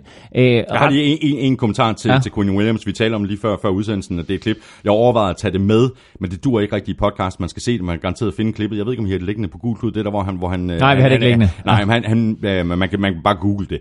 Uh, han, han nyser, han er ved at blive interviewet, Ja. og så nyser han, og så siger bless you, thank you. Han siger selv bless you, ja. og thank you. Ja, det, er- det svarer til at sige prosit til sig selv. Ja, og, Øh, og, pff, prosit, tak. tak. Der, kan, der, kan, der kan du tale om skizofreni. Eller meget velopdraget. ja, jeg er skizofren. Ja, det er jeg også. Nå, jeg vil Du sige... med øh, øh, Jamen, faktisk, faktisk, øh, jeg faktisk havde Jets ikke noget anden rundevalg, fordi de laver Nej, det et par, rigtigt. par trades og så videre. Og Det brændte de jo af på øh, i sidste år på St. Donalds. Præcis. Øhm, og øh, med tredje runde, med deres første tredje rundevalg, og de har to i anden runde her, men i, øh, eller i, i, på anden dagen, men øh, med deres første tredje rundevalg, der, der får de Jackai Polite, mm. som er en øh, edge pass rusher fra Florida. Og Jackai Polite havde mange til at blive draftet højere end tredje runde, mm. så rigtig, rigtig god værdi for Jets også her. Præcis, og det er så ham, de tager i stedet for Josh Allen, kan man sige. Så har vi Raiders på øh, pick nummer 4. Øh, det var så her, øh, du havde dem til at tage defensive end, Josh Allen i stedet. Der tog de Cleland Farrell, og det, det, det forstår jeg minus af. Øh, det mener jeg virkelig at reach. Ja, der er mange, der mener, det er et reach. Jeg vil sige det på den måde, at øh, jeg så øh, Cleveland Farrell, og det gjorde alle dem, som så vores dækning på TV2 Sport af, af de her college bowls omkring jul og nytår også. Cleveland Farrell var suveræn for Clemson, og i og med, at han i din aktie i den kamp øh, imod Alabama, altså finalen, stod over for Jonah Williams, som også blev draftet i første runde, så havde man meget god indikation af, hvad er det for en spiller Cleveland Farrell han er, og hvordan vil han klare sig på NFL-niveau over for spillere, som han har spillet mod for eksempel i college, der ligesom kan give en indikation af, her er øh, en matchup i college-niveau, som rent faktisk foregår på, på NFL-niveau. Cleveland Farrell kørte Jonah Williams midt over i den der kamp. Og jeg tror, hvis folk har været i tvivl om Cleveland Farrell, om han skulle være øh, et første runde pick, eller hvor højt han skulle draftes i første runde, så den kamp der viste bare Raiders og mange andre, at her er altså en spiller, som er klar til at træde direkte ind på et NFL-hold. Mm. Jeg tror bare, de kunne have fået ham senere, men altså, jeg hører Jeg, stadig... jeg er enig, jeg er enig. Jeg tror også, de kunne have fået Cleveland Farrell senere, og jeg tror, Raiders kunne have traded ned Ja. og fået ham senere. Præcis. Men de vil have ham, og de, de tager ham, og øh, de øh, bringer ham ind for selvfølgelig at være en, en, en giftig spiller på den der edge eller defensive end. Og så hørte jeg Mike Mayers samtale med ham også, hvor han også siger, vi tager dig ind af en årsag, og det er lederskab. Præcis. Du skal ind og være en leder på det hold. Ja, her. og det øh, vægter jo så åbenbart rigtig, rigtig meget for Mayock, at, øh, at han åbenbart ser det i Farrell, at han kan komme ind fra mere eller mindre fra day one og blive, øh, blive, blive, blive lederen på, på, på det her Præcis. forsvar. Øh, så napper de running back Josh Jacobs med pick 24, altså deres andet første rundevalg, og altså tre picks før, at jeg havde den til at tage Jacobs i, øh, i vores mock draft mm. i sidste uge på, øh, på pick 27. Jamen, du, jamen, øh, ikke bare, øh, var, øh, var du, øh, du, var, øh, du var skarp, du var skarp over det hele og sådan det. Og, Ah, øh, næsten da. Nå, nej, det var du faktisk, synes jeg. Øhm, Josh Jacobs, er der nogen, der brokker sig over, hvorfor tager man en running back i første runde? Vi har set andre hold tage en running back i første runde med succes, mm. og meget, meget højere ja. end det. Ikke? Altså, vi har set uh, Zeke blive draftet af Cowboys, og vi har set Saquon Barkley blive draftet af, øh, af Giants, og vi har set Leonard Fournette blive draftet af, af, af Jacksonville Jaguars, alle sammen i top 5. Mm. Så her, der har du en spiller, øh, årets bedste running back, som kommer ind både dygtig til at løbe bolden, øh, en lille tung bulldozer, øh, men også dygtig til at gribe bolden. Ja. Øh, som jeg sagde sidste uge, så ser jeg ham som sådan en kombination af Alvin Kamara og Mark Ingram, den duo, som, som mm, Saints havde sidste år. Ikke? Så, så her der får øh, Raiders en, en dygtig running back, synes jeg, sent i første runde, så jeg har ingen problemer med det valg. Jeg synes, det er helt okay. Og øh, du forudsagde jo også, at øh, det ville gå sådan, Claus. Øh, du havde, du havde øh, Josh Jacobs til at blive valgt som den første running back, og det var det, du anbefalede øh, som, som, øh, som Dansk spil inde på, på, på, på på Dansk Spil. Jeg tror, vi havde, jeg, jeg havde tre anbefalinger på dansk spil Ja, i sidste uge, og, og jeg ramte dem alle tre, ikke? Sådan, så ja. jeg håber, man har spillet med derude. Og så synes jeg faktisk også, at uh, Raiders uh, sidste pick i, øh, i første runde, uh, safety Jonathan Abram, er, er et rigtig godt valg. Vi talte safeties, øh, inden vi gik på i sidste uge, og jeg talte et par andre safeties op, og du blev ved med at nævne Jonathan Abram. Jeg sagde, ja, men jeg har ham kun rangeret som nummer 4 eller nummer 5, men øh, han ender altså med at blive draftet øh, foran de to, som, som jeg ligesom havde som mine 1 og 2, og dem kommer vi tilbage til, øh, og blev den anden safety draftet i den her, øh, i, i den her årgang.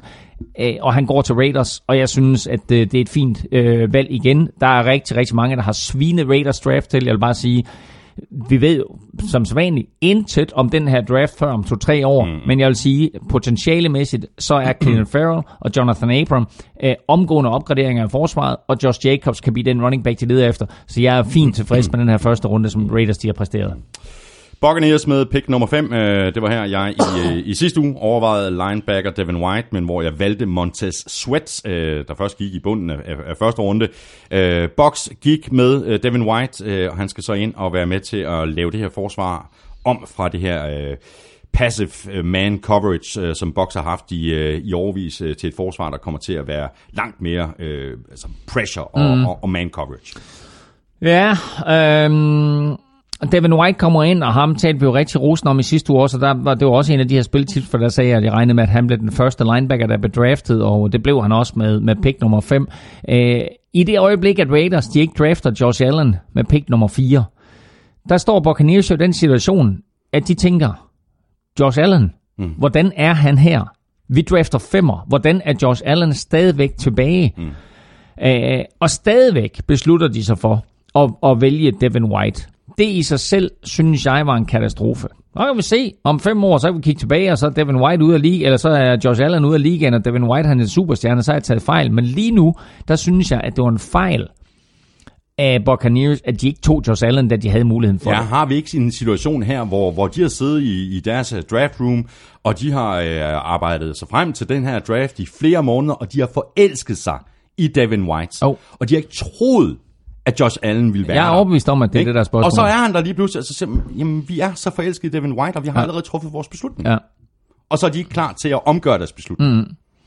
Men, Det er det, øh, der sker, ikke? Ja, altså, jeg tror, jeg tror, det er langt hen ad vejen af, af et af de scenarier, der har været ridset op i Box War Room, fordi jeg, jeg synes, det var en fejl, at de ikke tog Josh Allen. Og igen, jeg kan tage fejl, naturligvis. Og så har vi altså det her skifte på forsvaret med, med der, deres nye øh, defensive koordinator, øh, og så giver det også god mening, at øh, Box draftede cornerback og safety i både anden og tredje Ja, der er tre, runde. tre spillere. De drafter to cornerbacks og en safety Ja. i anden og tredje runde. Og så øh, i, i fjerde runde, der drafter de øh, den her, øh, så drafter de en edge, altså en pass rusher, mm, så, så der, der får de presset på quarterbacken.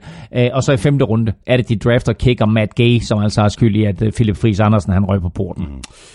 Ny øh, offensiv head coach for Buccaneers, og de første seks picks er defense og special teams. Sådan, så, så ved man, hvordan fodboldkampe de vindes. Ja, exactly. Så er vi fremme øh, ved Giants med pick nummer 6. Øh, du havde dem til at tage øh, Devin White. Øh, jeg synes, at øh, Dave Gettleman øh, gjorde det helt rigtigt her og adresserede quarterback. Øh, der skal simpelthen findes en afløser til, til Eli Manning. Øh, men Daniel Jones Jo, jo, på men altså, pick det- nummer 6. Øh, altså, der gik jo rygter om Daniel Jones og Giants i ugerne op til, og jeg troede simpelthen ikke på de rygter. Jeg troede simpelthen, at det var et røgslør. Og da vi lavede vores, Det var mock, det ikke. Da vi lavede vores mock draft, der var jeg jo general manager for, øh, for New York Giants. Og jeg sagde også øh, i sidste uge, at de, de overvejer Daniel Jones på 6. Øh, men, øh, men, men, men håber på, at han er der senere. Mm. Fordi jeg synes, at øh, draft pick nummer 6 var lidt for højt for Daniel Jones. Men Giants var overbevist om, at Daniel Jones han ikke var der, når de draftede igen på plads nummer 17. Så de var nødt til at tage ham her. Og angiveligt har der været rygter frem om, at Washington Redskins var interesseret i Daniel Jones også. Og hvis mm. der er noget, du ikke vil have som New York Giants, Det så er det i hvert fald en divisionsrival for fat i den quarterback, du gerne vil have. Mm. Så de følte, at de var nødt til her at gå ind og tage ham med draft pick nummer 6. Så Daniel Jones blev den første, eller ikke den første, han blev den anden quarterback valgt øh, efter Kyler Murray, men han blev den første quarterback valgt af de her quarterbacks, som vi vidste ville komme efter Kyler Murray. Mm. Og så havde vi altså øh, Giants andet øh, pick i første runde. Det var øh, defensive tackle øh, fra Clemson af Dexter Lawrence. Og så traded de ind i første runde, mm. øh, så de fik et tredje øh, første runde pick øh, med pick nummer 30. Der draftede de øh, cornerback DeAndre Baker. Og jeg er vild med den her øh, draft for, øh, for New York Giants. Og igen, der er rigtig, rigtig mange, der har svinet den til, men jeg vil sige det på den måde. De får fremtidens quarterback, hvis han slår til. Så får de en tung dreng til midten af forsvaret, og de får en cornerback, alle sammen i første runde. Det her, det er en virkelig, virkelig solid draft, og en opgradering både på forsvaret og på den lange bane på angrebet. Så jeg synes bare, at den her første runde, de laver, New York Giants, er, er virkelig, virkelig fin. Så får de øh, faktisk også Julian Love, cornerback, Mm, cornerback i, i fjerde runde, Ja. som, øh, som jeg også synes har noget, noget potentiale. Og de drafter yderligere en cornerback, der hedder Corey Ballantyne i, øh, i 6. runde. Øh, det her med, at de har tre draft picks i første runde, og at Raiders havde tre draft picks i første runde. Altså man skal jo lægge mærke til, at den her draft er jo sådan, så alle hold starter med et draft pick i første runde. Men så kan der, øh, der være forskellige trades, etc., etc., som gør, at øh, der er hold, der ender med, med flere draft picks, og der er hold, der ender uden draft picks. Men det her med, at både Raiders og Giants havde tre draft picks i første runde, det er første gang nogensinde i NFL's historie, at to hold har tre draft picks i, i første runde. Så er vi fremme ved øh, Jaguars med pick nummer 7. Øh, jeg havde dem til at tage øh, offensive tackle Jawan Taylor. Øh, ham fik de også, øh, men først i toppen af anden runde. Øh, fantastisk værdi med det pick, synes jeg, og, og så kunne de ikke øh, sige nej til defensive end Josh Allen, der altså faldt helt ned til nummer 7. Øh, de to den bedste spiller available i draften, i stedet for at gå efter need. Havde du uh, Jawan Taylor i vores mock draft? Ja, Wow, det havde man, og de, de får ham jo så, men det er først i anden runde, ikke? det er sjovt. Så det er lidt, ja. lidt, lidt tidligt, ikke? Ja, ja. Nå, okay. Jamen, øh, prøv at høre. Det er den her draft for Jacksonville Jaguars. Da de drafter Jawan Taylor i anden runde, der tweeter jeg bare, godt, konkurrencen er overstået, Jaguars har vundet draften. Mm. Fordi de får Josh Allen med pick nummer 7. Josh Allen skal ikke forbi pick nummer 4 i den her draft. De får ham på pick nummer 7. De sidder, og, og så gnider de sig lidt i øjnene, og så kigger de, så siger er vi enige om, at, at den Josh Allen, der er der, det er ikke er Bills quarterback, det, det er ham pass rusher, det er ham, vi godt kan vælge nu, ikke også? Og så siger jo, det er det. Og så skriver de navnet på et papir, og så sprinter de op til scenen, fordi de vil være sikre på, at hvis der er begået en fejl, så når de i hvert fald at få det her draft pick, ikke, inden den fejl bliver rettet. Der er ingen tvivl. De får Josh Allen på draft pick nummer 7. Det er helt fantastisk. Øh, og så falder Jawan Taylor og falder og kan se andre tackles blive taget. Altså mange andre tackles blive taget. Mange andre offensive linemen blive taget. Det her det er den lineman, som vi havde til at være den første offensive lineman i vores mock draft. Ja. Og som mange andre betragtede som den bedste tackle i det her års draft. Og ham får de altså med pick nummer 35. Ham får de med pick nummer 35, ikke? og øh, jeg mener, de trader faktisk op for at få ham. Mm. Øh, så de sidder også i det døgn, man har mellem første og anden runde, så sidder de og kigger, så siger de, altså vi har stadigvæk en chance for at få Jawan Taylor. Mm. Så der bliver lige ringet lidt rundt, og så bliver det øh, aftalt, at øh, jamen, øh, vi skal op der på, øh, på øh, tredje valget på anden dagen, og så skal vi have Jawan Taylor. Mm. Bum, Josh Allen, Jawan Taylor, defensive lineman, offensive lineman, Fodbold bliver vundet i skyttegravene, og de får to af de bedste tilknyttet. Og det er anden gang på fire år, at de får to potentielle top 10 valg i første og anden runde. For et par år siden, der kan du huske, der fik de Jalen Ramsey og så Miles Jack. Det er rigtigt. Øh, så det her, det er altså øh, det er en- gavebåd. Øh, en kæmpe gave til, til, til Jaguars, Ja, ja, at de får de to spillere her. Og så får de også lige øh, en sidste spiller, jeg lige vil nævne i, i forhold til, til Jaguars. Det er tight end Josh Oliver, øh, som de napper med pick øh, 69 i, i tredje runde. Og det er vel øh, potentielt den her øh, sådan atletiske tight end, som, øh, som den, den offensive koordinator John DeFilippo vel aldrig rigtig har haft, øh, men som altid har, har ønsket. Altså det er vel... Øh, Nej, nu ved jeg ikke. Altså, altså, Altså, han blokerede hvad- stort set ikke. Åh, oh, jeg, jeg tænker, tænker, kal- kalder du Zach Ertz for, øh, for, for øh, uatletisk? Nej, Ej, nej, det gør jeg ikke. Nej, det gør jeg ikke. Okay, altså John DeFilippo ved jo, hvad han havde i Zach Ertz, og det er derfor, han drafter Josh Oliver, ikke? Fordi her, der ser han jo en spiller, som kan få samme succes i Jaguars angreb, som Zach Ertz havde for Eagles. Mm. Så Han blokerede bare stort set ikke i college, Josh Oliver. Ah, nej, men, men, men jeg siger, altså han har jo set, hvad Zach Ertz han Ja, kan gøre ja, ja, på ja, positionen, ja, ja. så det er derfor, han skal ind og være, øh, han skal ind og være Jaguars øh, Zach Ertz, ikke? Så, så øh, Jordan Filippo og, øh, og, og resten af staben der i Jaguars har altså en rigtig, rigtig god draft her. Øh, så øh, Nick Foles kan godt glæde sig, og Jaguars fans kan godt glæde sig. Det her det bliver et stort år. Mm. Så er vi øh, fuldstændig tilbage på sporet i forhold til øh, vores mock draft, øh, og dit pick for Lions på 8. Du havde tight end TJ Hawkinson, og det var lige præcis ham, som Lions valgte. Godt set, Elming. Jamen tak, og øh, det, det kunne være gået i mange retninger, men jeg synes bare, at han var så stort et talent, og øh, var så, øh, altså der var øh, tre tight ends, øh, som var i en særklasse, og fem eller seks, som man gerne vil have her. Øh, men TJ Hawkinson var den, der mindede mest om Gronkowski. Ja. Øh, og jeg tror, det er derfor, at, øh, at Ja, Lions... Matt, Matt Patricia, han vil Matt- godt have det her Patriots. Matt øh, Patricia, han gik ja. ind, og så så han på, hvad, hvad Gronkowski har betydet for, for Patriots i de, de ni år, han har været i ligaen. Så han går ind og tager TJ Hawkinson. Og han kan Øh, også godt blokere. Han kan nemlig blokere og gribe og løbe og få yards efter catch og så videre og så videre. Så øh, det her, det er en dygtig spiller. Matthew Stafford er lykkelig. Øh, der er sikkert øh, millionvis af Lions-fans derude, der tænker tilbage Åh, på, nej, på an, andre tight end picks, som er gået knap så godt i første runde, men det her det er altså en, øh, en spiller, som jeg føler ikke kan misse. Mm. Andre spillere, du hæfter dig ved fra, fra, fra Lions, uh, safety Will Harris i, i tredje runde måske? Øh, jeg vil næsten mere fremhæve øh, Jahani øh, Tavai, Fra som, er, øh, som Ja. er deres anden runde pick. Øh, der er nogen, der mener, at han på ingen måde får en NFL-karriere, og så er der andre, der mener, at han bliver en superstjerne. Så øh, Lions, de tager en chance på, på Han er- Jahani Tavai. Han er linebacker. Øh, han er linebacker, ja. Så, øh, så spændende at se, øh, øh, hvad- hvil, hvilken karriere han får selvfølgelig. Og så havde jeg Bills til at tage uh, defensive tackle Rashawn Gary her. Uh, jeg havde positionen rigtig på uh, pick nummer 9. Uh, Bills, de to så Ed Oliver i stedet for.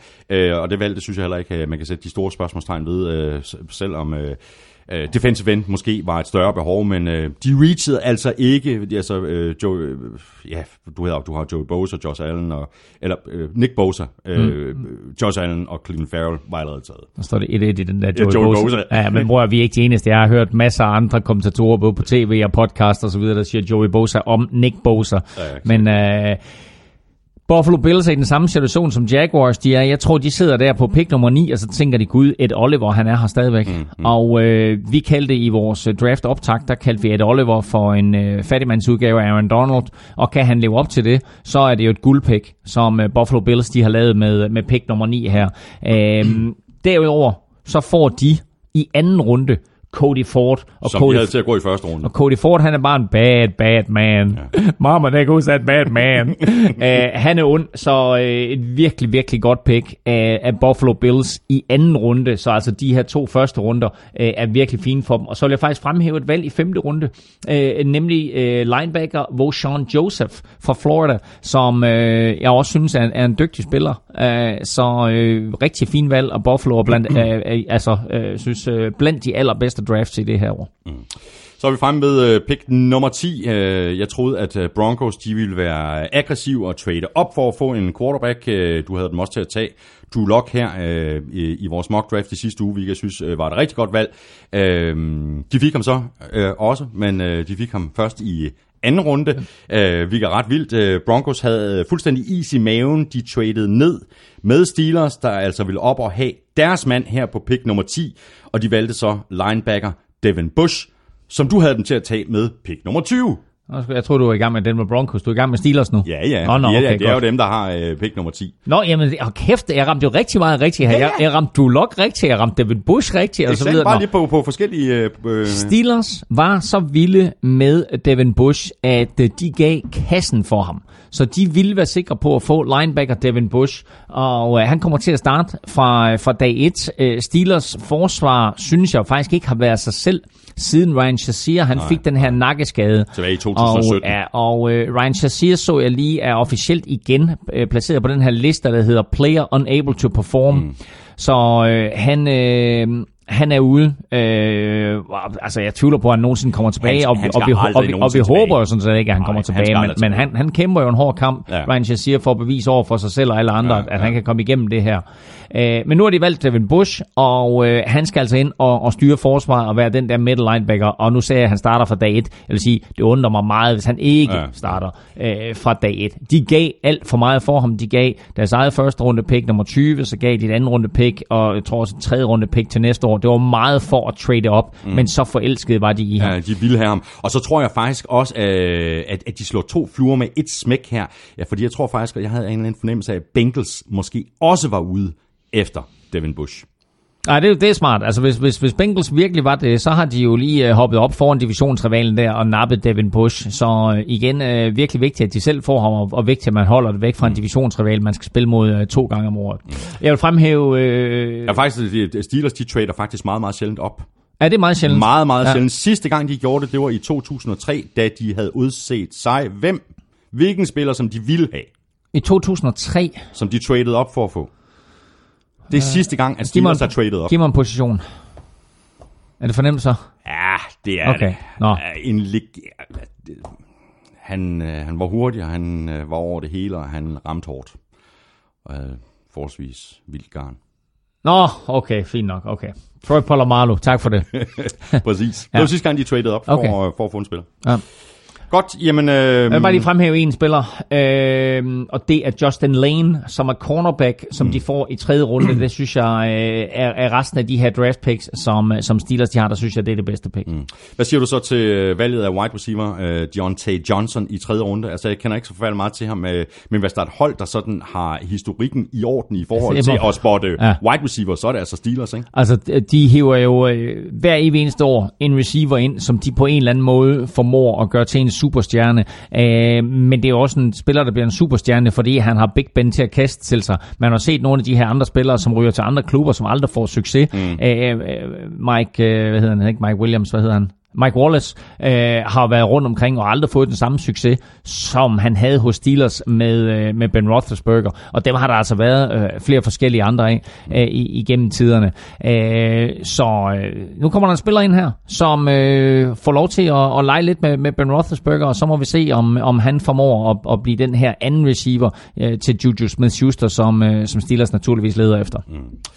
Bengals med pick nummer 11. Øh, jeg havde dem til at gå øh, defense her med Ed Oliver. Øh, I stedet der adresserede de den offensive linje med valget af offensive tackle slash guard Jonah Williams. Øh, Hvis han kommer ind som right tackle, så bliver Bobby Hart backup, og hvis han øh, kommer ind som guard, så kunne Clint Bowling, øh, der har spillet så-så øh, de seneste par år, måske øh, ryge på bænken. Ja, altså Bobby Hart ikke, altså har de lige givet en eller anden kæmpe kontrakt, og så drafter de en mand på samme position som ham, Ja, så øh, interessant at se, hvad der sker med, med Bobby Hart.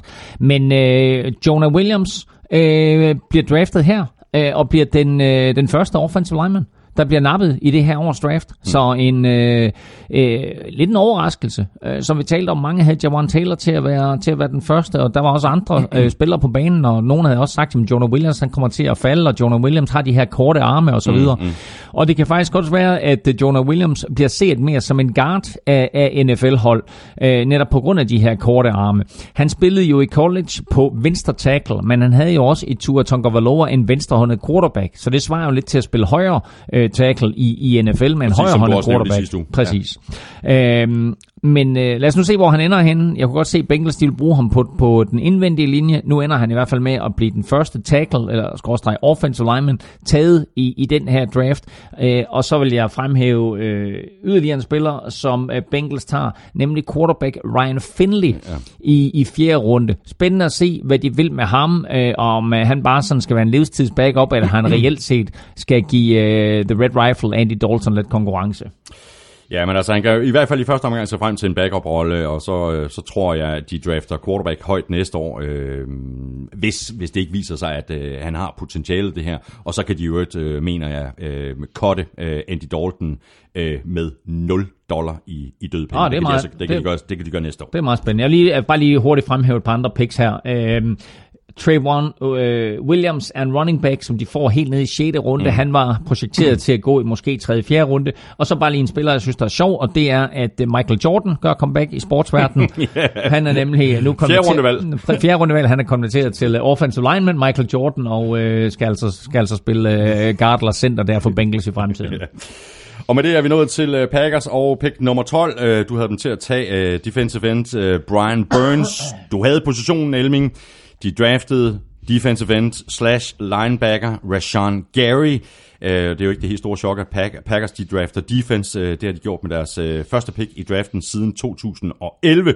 Og sådan er det jo at have en quarterback som Aaron Rodgers, der kan gøre alle bedre på angrebet, så fokuserer man mere på forsvaret. Og det er der nogle Packers-fans, der hader, øh, fordi der var mange, der havde håbet på, at nu skulle Packers ind og drafte nogle receiver og nogle tight ends, og give Aaron Rodgers nogle våben at lege med, men øh, det skete ikke. Faktisk så skulle vi helt ned i tredje runde, før øh, Packers de draftede øh, folk, der skal håndtere bolden, og det gjorde de i form af, af tight end af Jace Sternberger, mm. som selvfølgelig har gigantisk potentiale. Ja, det er sammenlignet, sammenlignet med, med Travis Kelsey. Ja, men altså nu, uh, Thijs Joranger, som er en af vores absolut bedste uh, folk på gul klud, havde jo faktisk Jay Sternberger som sin bedste tight end, mm. altså foran alle de her andre tight ends, der blev draftet. Så uh, at, uh, at Packers kan få ham i tredje runde, er altså rigtig, rigtig god værdi. Uh, men lad os holde fast i første runde, fordi Packers uh, tager Rashawn Gary. Uh, jeg har kaldt ham flyvefærdig til NFL. Mm. Uh, det er der nogen, der mener, han ikke er, men altså jeg, jeg tror, han kommer til at starte uh, fra dag et af uh, for øh, for øh, Green Bay Packers, men jeg synes også, at det er en fejl, at de tager ham og ikke Brian Burns, som jeg havde i min mock draft, fordi jeg synes umiddelbart, at Brian Burns er mere flyvefærdig, og jeg synes, Brian Burns har en højere upside, mm. og Brian Burns er giftig på den der defensive end, skråstrej pass rusher, og også mere end Rashawn Gary er. Mm. Og så synes jeg, det er et rigtig godt valg, øh, synes jeg, øh, senere i, i første runde med, med Darnell Savage. Altså, Du synes, det er et godt pick? Ja, jeg synes, det er et godt pick. Fordi hvad? Øh, han slår hårdt. Altså, han kommer... Øh, Donald Savage? Ja, han kom, hvad, hvad kommer han? Kommer til at spille free safety eller strong safety? Ja. Kommer til at spille free safety, ikke? Og så har vi Adrian Amos, den tidligere best safety. Ja. Han kommer til at spille strong safety. Er vi enige om, at du sidder og fortæller mig nu, at du synes, Donald Savage er et godt pick? Det synes jeg faktisk. De trader op fra 30 til 21 for at vælge Donald Savage. Jamen, jeg synes, at trade-uppet er dyrt.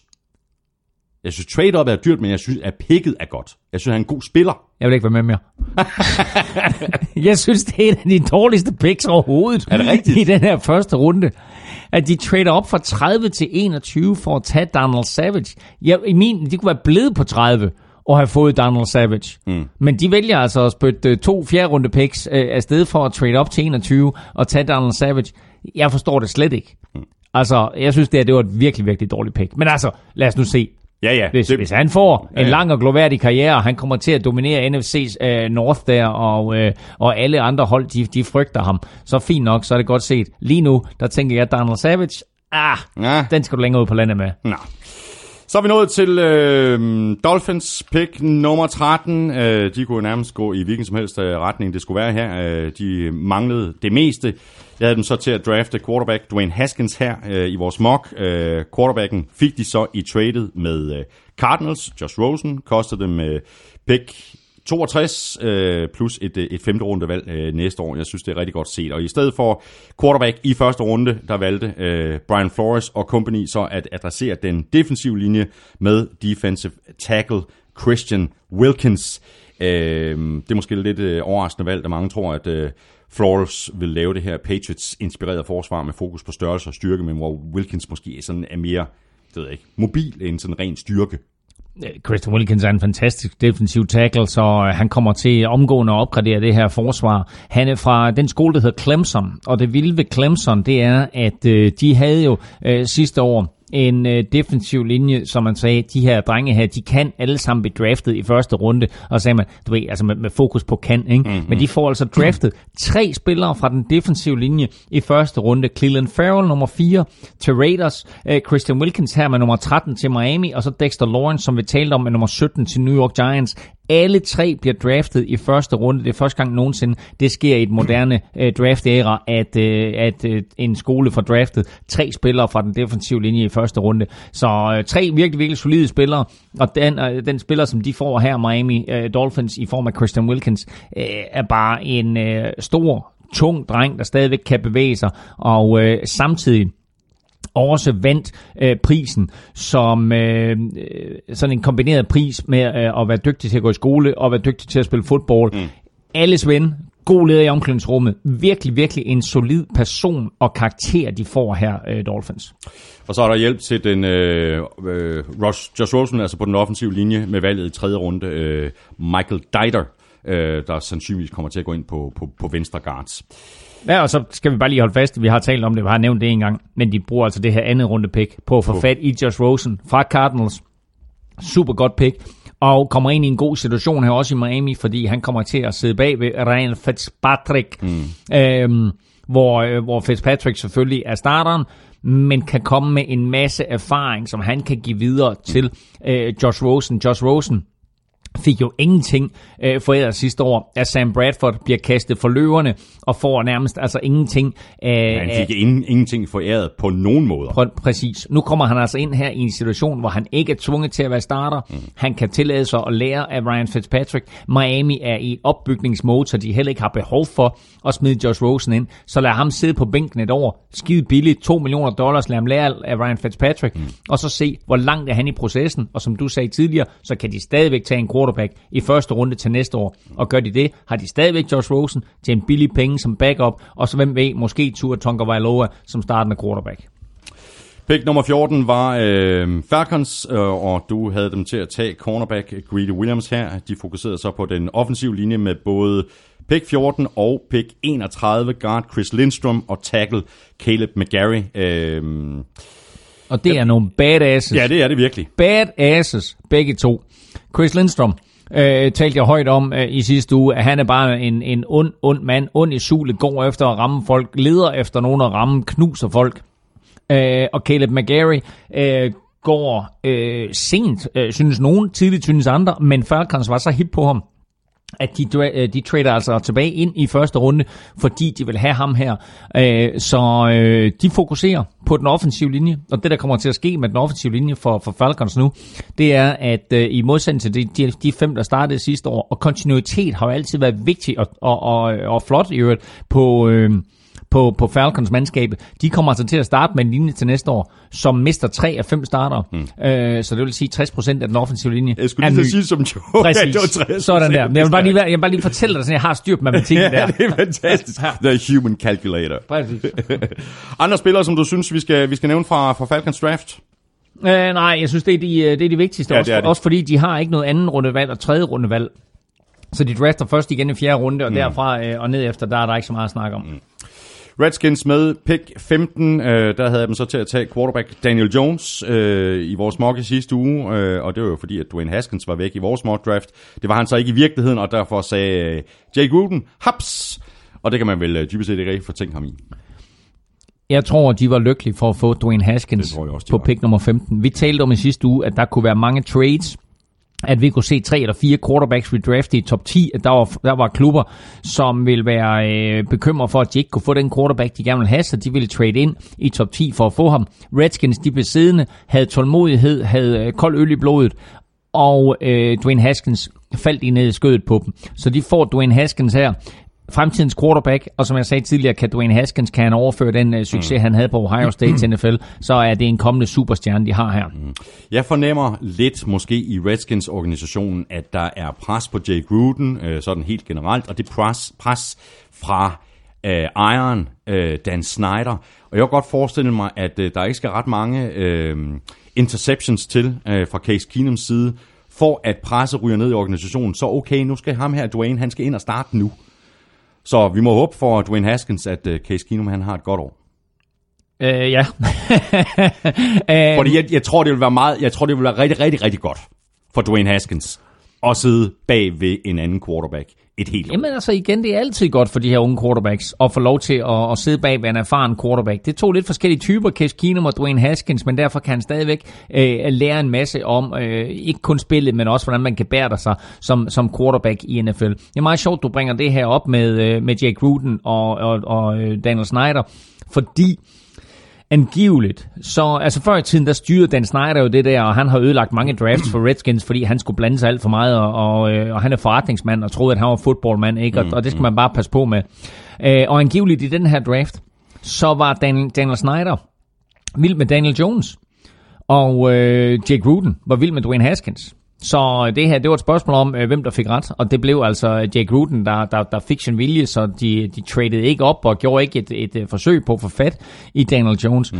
Øh, det interessante kunne have været at se, hvad der skete, hvis det sådan, at de begge to var der her. Men altså nu, nu falder Dwayne Haskins til dem på pick nummer 15, og det, det er et super, super godt valg af dem, og så håber jeg bare på, at, øh, at Dwayne Haskins han får succes. Mm. Øh, det er der en anden spiller, der også gør, og der er en anden spiller, som også øh, håber på, at Redskins-organisationen viser lidt mere tålmodighed, end de har gjort tidligere, nemlig RG3, som tweetede øh, umiddelbart efter, at Redskins havde taget Dwayne Haskins, så tweetede han bare, jeg håber, at I giver øh, drengen en chance for at bevise sig, mm. og ikke trækker stikket på ham for hurtigt.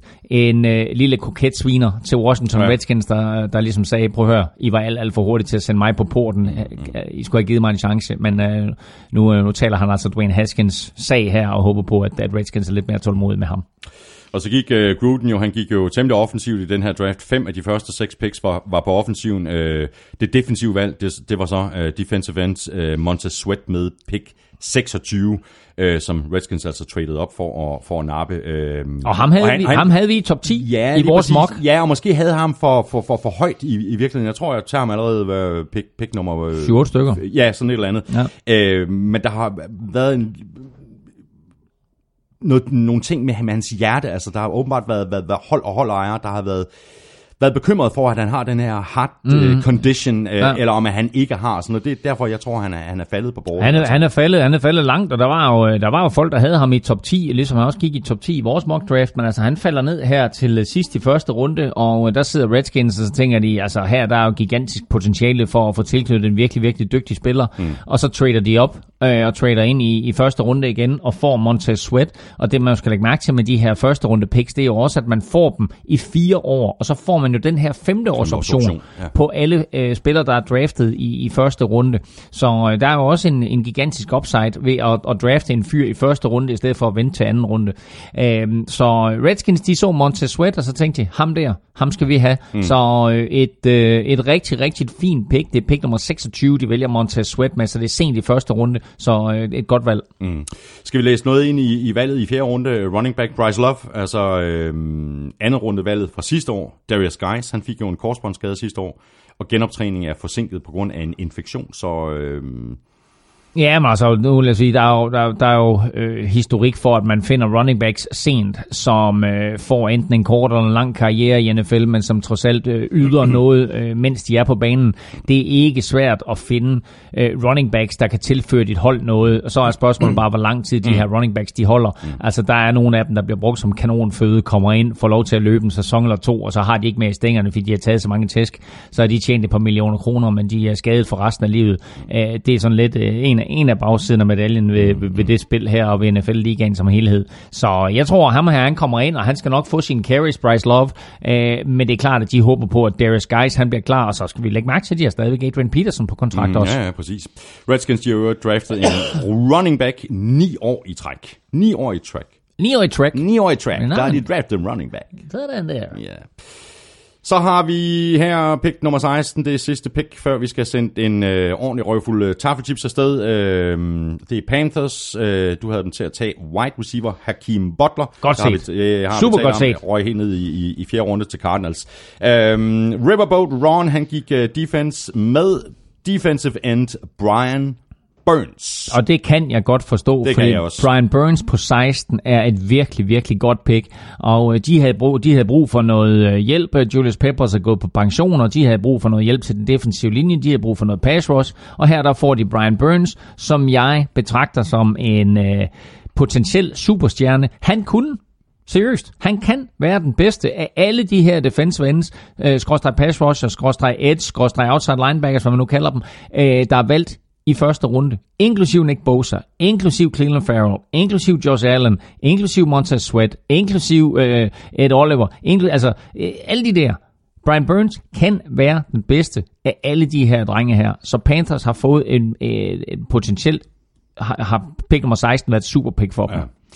Og så blev den øh, offensive linje adresseret i anden runde med pick øh, 37, tackle Greg Little. Han kommer nok til at falde ind på øh, Matt Khalils gamle spot på, på, på, på venstre tackle, kunne jeg, kunne jeg forestille mig. Det gør han helt sikkert. Øh, om han starter fra dag 1 eller ej, det skal lade være usagt, men, øh, men en, en fyr, Greg Little, som øh, øh, nogle eksperter også havde, havde øh, spået, at han ville blive draftet i første runde. Nu går han altså ned til anden runde her. Øh, Greg Little, så en øh, super god spiller, som de får. Øh, offensive tackle. Øh, og så kommer det spændende valg jo i tredje runde. Ja, præcis. Uh, Will Greer, uh, quarterback fra West Virginia, med pick nummer 100, og det er faktisk første gang siden 2011, hvor Panthers de uh, draftede Cam Newton, at uh, Panthers har, har draftet en, en quarterback. Uh, altså, han skal jo først og fremmest ind og være backup for, for, for Cam Newton. Ja, ja, men altså spørgsmålet er, hvor Cam Newton er henne. Ikke? Fordi vi ved jo stadigvæk ikke, om Cam Newton han spiller. Nej. Ikke? Cam Newton har den her skulderskade, og øh, han er blevet opereret, eller han er ikke blevet opereret, eller hvad sker der? Vi ved jo ikke rigtig noget. Men øh, spørgsmålet er, om, om de kører en Andrew Luck i, i Carolina, og lader mm. ham sidde ude en hel sæson. Og så skal de have en quarterback ind, og øh, så kommer Will Greer her, som øh, for øh, to år siden var, øh, var folk sikre på, at øh, han vil være et første runde draft pick, og endda højt i første runde. Mm. Så kom sidste år, og så begyndte folk sådan at sige, ah, det bliver nok øh, i slutningen af første runde. Og så kom en, en halvskidt offseason og en halvskidt senior bowl og sådan lidt, og, øh, og så røg han pludselig ud af første runde, og nogen snakker om fjerde runde. Nu bliver han altså så draftet her i, øh, i, i, i slutningen af tredje runde, og vel at mærke, sådan set efter hele tredje runde er slut, bliver han draftet, fordi der kommer de her kompensationspicks mm, mm. i spil. Så vi er altså igennem de 96 spillere, der skal vælges i første, anden og tredje runde, og så med det fjerde kompensationspick efter tredje runde, der vælger Carolina Panthers Will Greer. Så de får altså den her quarterback tilknyttet. De får en, en, en god quarterback, som har været en, en god quarterback, siden han gik i high school, og alle har talt om ham, siden han gik i high school, men det har måske været for nemt for ham, så han faldet lidt af på den. Mm, nu ryger han ned i tredje runde. Nu er han Panthers quarterback, og hvem ved, når vi starter sæsonen i september, så kan det være, at det er Will Greer, som er startende quarterback for Panthers.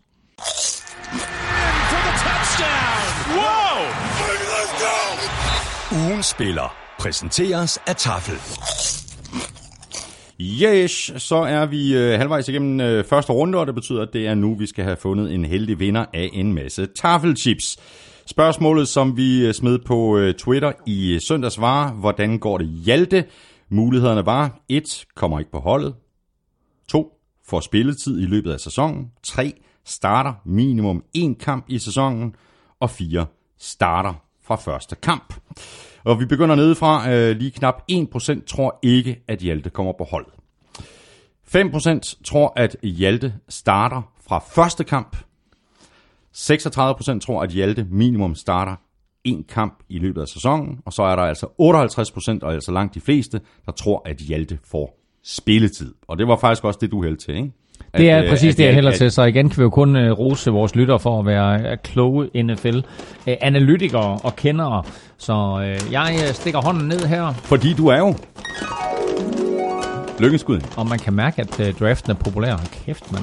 Der er kommet så mange mails, Nå, men, så du øh, slet ikke fatter det. Jamen, jeg har en uh, enkelt i hånden her, og uh, det er ikke overraskende en, der skriver, får spilletid, og navnet er Tommy Sørensen fra Næstved. Stor, hvordan er det, man taler i næste Nede i Næstved. ja, præcis. Tommy Sørensen, stort tillykke til dig. Øhm, Jeg får øh, sendt dit navn og adresse videre til øh, MVP, Christina, der så øh, sørger for, at du får sådan en, en kæmpe kasse med tafelchips. Det her, det var så den sidste ugen spiller i øh, rigtig lang tid. Hvis du vil være klar til næste gang, øh, vi gør det en gang til august, så skulle du tage at følge NFL-showet på Twitter. Det er nemlig der, vi sætter konkurrencen i gang, og når vi har gjort det, så stemmer du altså på din øh, favorit ved at skrive dit bud i emnelinjen og sender dit svar ind til mailsnabel.nflshowet.dk. Øh, det er forholdsvis hurtigt overstået, og så har du altså chancen for at vinde sådan en hel kasse med masser af taffelchips. Så er vi tilbage i øh, draften, og det er vi med Giants andet pick med pick nummer 17, og det var jo øh, defensive tackle Dexter Lawrence, ham har vi talt om tidligere. Øh, bare lige for en god ordens skyld, så var mit øh, mock draft pick her for Giants øh, linebacker Cleveland Farrell, men han var jo for længst øh, taget af Raiders.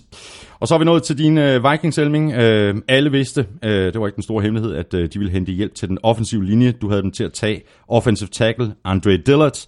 Øh, de valgte så i stedet center Garrett Bradbury, øh, og det kan du ikke være helt utilfreds med. Nej, på ingen måde. Altså, han er også ond i sulet, og øh, hvis, man, hvis man ser lidt på Quentin Nelson, der kom ind i ligaen øh, sidste år med stor succes, så, øh, så har Garrett Bradbury sådan lidt den samme mentalitet. Øh, og så spiller han center, øh, hvilket betyder, at han kommer ind og, øh, og skal, øh, skal varetage alle, alle øh, de her forskellige kald, der nu er på den offensive linje, og pege ud for, for holdkammeraterne, hvem, hvem det er, man skal holde øje med. Han kan og også spille guard, ikke? Han kan naturligvis spille guard også, men jeg forestiller mig faktisk, at han ryger direkte ind på centerpositionen. Jeg forestiller mig ikke, at Vikings har draftet ham her til at være guard. Han skal ind i midten af den offensive linje, og så skal han ind og styre sagerne derindefra, og så tager man den øh, spiller, som man draftede, Pat Elfline. Ja, som havde lidt problemer, ikke? Jo, han havde lidt problemer med også lidt skadesramt og så videre. Øh, og så rykker man ham ud på, øh, forestiller mig, venstre guard. Mm. Øh, det, det er sådan umiddelbart, som, som jeg ser det. Og så har Vikings øh, umiddelbart øh, deres offensiv linje på plads. De gør dog det også, at øh, de i øh, tredje runde, nej, fjerde runde, Fjerde runde, øh, drafter Drew Samir. Ja, det burde jeg vide, fordi jeg sad og bandede og svoglede, da Vikings de draftede ham, fordi der havde jeg jo håbet på, at Vikings de to Hjalte Froholt, og så fem picks senere, Senere, ja. der bliver Hjalte Froholt øh, draftet. Men øh, de tager sådan en fyr fra Oklahoma, der hedder Drew Samir, og når man er fra Oklahoma, så har man jo så blokeret for Kyler Murray i øh, en, øh, to, ja, i hvert fald et år, ikke? fordi øh, før det så blokerede man for, for øh, Baker Mayfield. Så øh, Drew Samir har... Øh, har vundet et hav af fodboldkampe øh, med de her to quarterbacks, og har altså blokeret for de her to quarterbacks, og øh, øh, har jo været, hvad skal vi sige, i stand til at holde øh, dem forholdsvis rene. Og det er jo også det, som Vikings de går efter, det er, at vi siger, at der var alt, alt, alt for meget pres på Kirk Cousins sidste år, så nu skal vi have nogle spillere ind, som sørger for, at lommen ikke kollapser, at Kirk Cousins ikke bliver ramt, at han når at slippe af med bolden. Og øh, en af de øh, måder, man slipper af med bolden på, det er jo ved at få spillere, der går fri. Og der vælger Vikings så i anden runde øh, med et overraskende øh, flot valg, fordi det er meget overraskende, at Irv Smith Jr. han falder til pick Præcis. nummer 50. Men det gør han altså helt ud af første runde. Og, helt, om i, i sidste uge, faktisk. og helt nede på pick nummer 50, der får Vikings altså en tight end, som øh, har de her kvaliteter, mm. som man leder efter i tight ends nu om dagen. Mm. Han er faktisk nok den øh, næstbedste af de her typer, der minder om Gronkowski, fordi i modsætning til Noah Fans, som vi kommer tilbage til lige om lidt også, øh, som er draftet med pick nummer 20 af Denver Broncos, så kan Irv Smith blokere. Så Irv Smith kan både blokere og gribe, og har den her størrelse og hurtighed, som gør det meget, meget vanskeligt for et forsvar at finde ud af, hvordan man dækker ham op. Og når du så kombinerer det med Kyle Rudolph, så står Vikings faktisk med en rigtig, rigtig fin øh, double tight end øh, formation, hvor man kan løbe både højre og venstre. Og det, det tror jeg kan blive en rigtig, rigtig fin formation for Vikings i den kommende sæson. Hvad i alverden skal de med, med running back øh, Alexander Madison, øh, tredje rundevalget? Det, Jeg undrer, er- det undrer mig lidt over. Jeg er meget tilfreds med den her Vikings draft, men jeg er meget utilfreds med valget af Alexander Madison i tredje runde. Der i tredje runde, der var der så mange andre spillere, man kunne have valgt. De vil gerne have sådan en, øh, en, en, en tung running back, som øh, tager øh, brøden lidt af forsvaret. Øh, Det er jo meningen, at Dalvin Cook han skal ind, og så skal han være den store stjerne, og så skal han øh, forhåbentlig øh, løbe bag den her nye offensiv linje, ikke mindst bag ved Garrett Bradbury, og, og, og prøve at, at finde de huller, der nu er. Men når man så har behov for at tage lidt af, af brøden, lidt af luften, lidt af farten ud af forsvaret, så er det meningen, at man vil sætte Alexander Madison ind. Men det jeg ser med Madison, det er, jamen han kan godt løbe, og han kan godt skaffe 6 eller 8 eller måske 10 yards. Han har bare ikke farten til, hvis der er et ordentligt hul, at han så slipper fri. Så han er sådan en, en, en spiller, som gør lidt ondt på forsvaret, men du kunne have valgt mange andre bedre spillere, føler jeg, mm. med det øh, pick i tredje runde. Mm. Så er vi fremme ved uh, Titans uh, over pick nummer 19 i sidste uges uh, mock draft. Der tog jeg en chance på vegne af Titans og valgte defensive tackle Dexter Lawrence, på trods af det der doping uh, der hænger over hans hoved. Uh, positionen var rigtig. Titans de valgte uh, defensive uh, tackle Jeffrey Simmons, øh, der udelukkende er faldet så langt, fordi han har øh, den her korsbåndsskade. Vi sad også og talte om det i sidste uge. Øh, Titans så så øh, talentet og har tid til at vente på, at øh, Simmons bliver klar. Øh, Gerald Casey er på kontrakt til 2023, tror jeg faktisk. Mm. Øh, og han ser ikke ud til at være parat til at, at, at løbe, øh, løbe tør for benzin lige forløbig. Joel Casey er også en af de her meget, meget undervurderede spillere, så nu får han en øh, ny, rigtig, rigtig solid marker i midten i form af Jeffrey Simmons. Det er slet ikke sikkert, at vi får ham at se i 2019-sæsonen. Hvis vi får ham at se, så bliver det tidligst omkring 1. december. Uh, men uh, Jeffrey Simmons kunne sagtens have været et top 5-valg, hvis han ikke havde ødelagt korsbåndet i februar. Uh, så her får Titans altså virkelig, virkelig god værdi på pick nummer 19, og kommer Jeffrey Simmons tilbage til fuld styrke, så har de altså ramt den lige i røven med det pick her.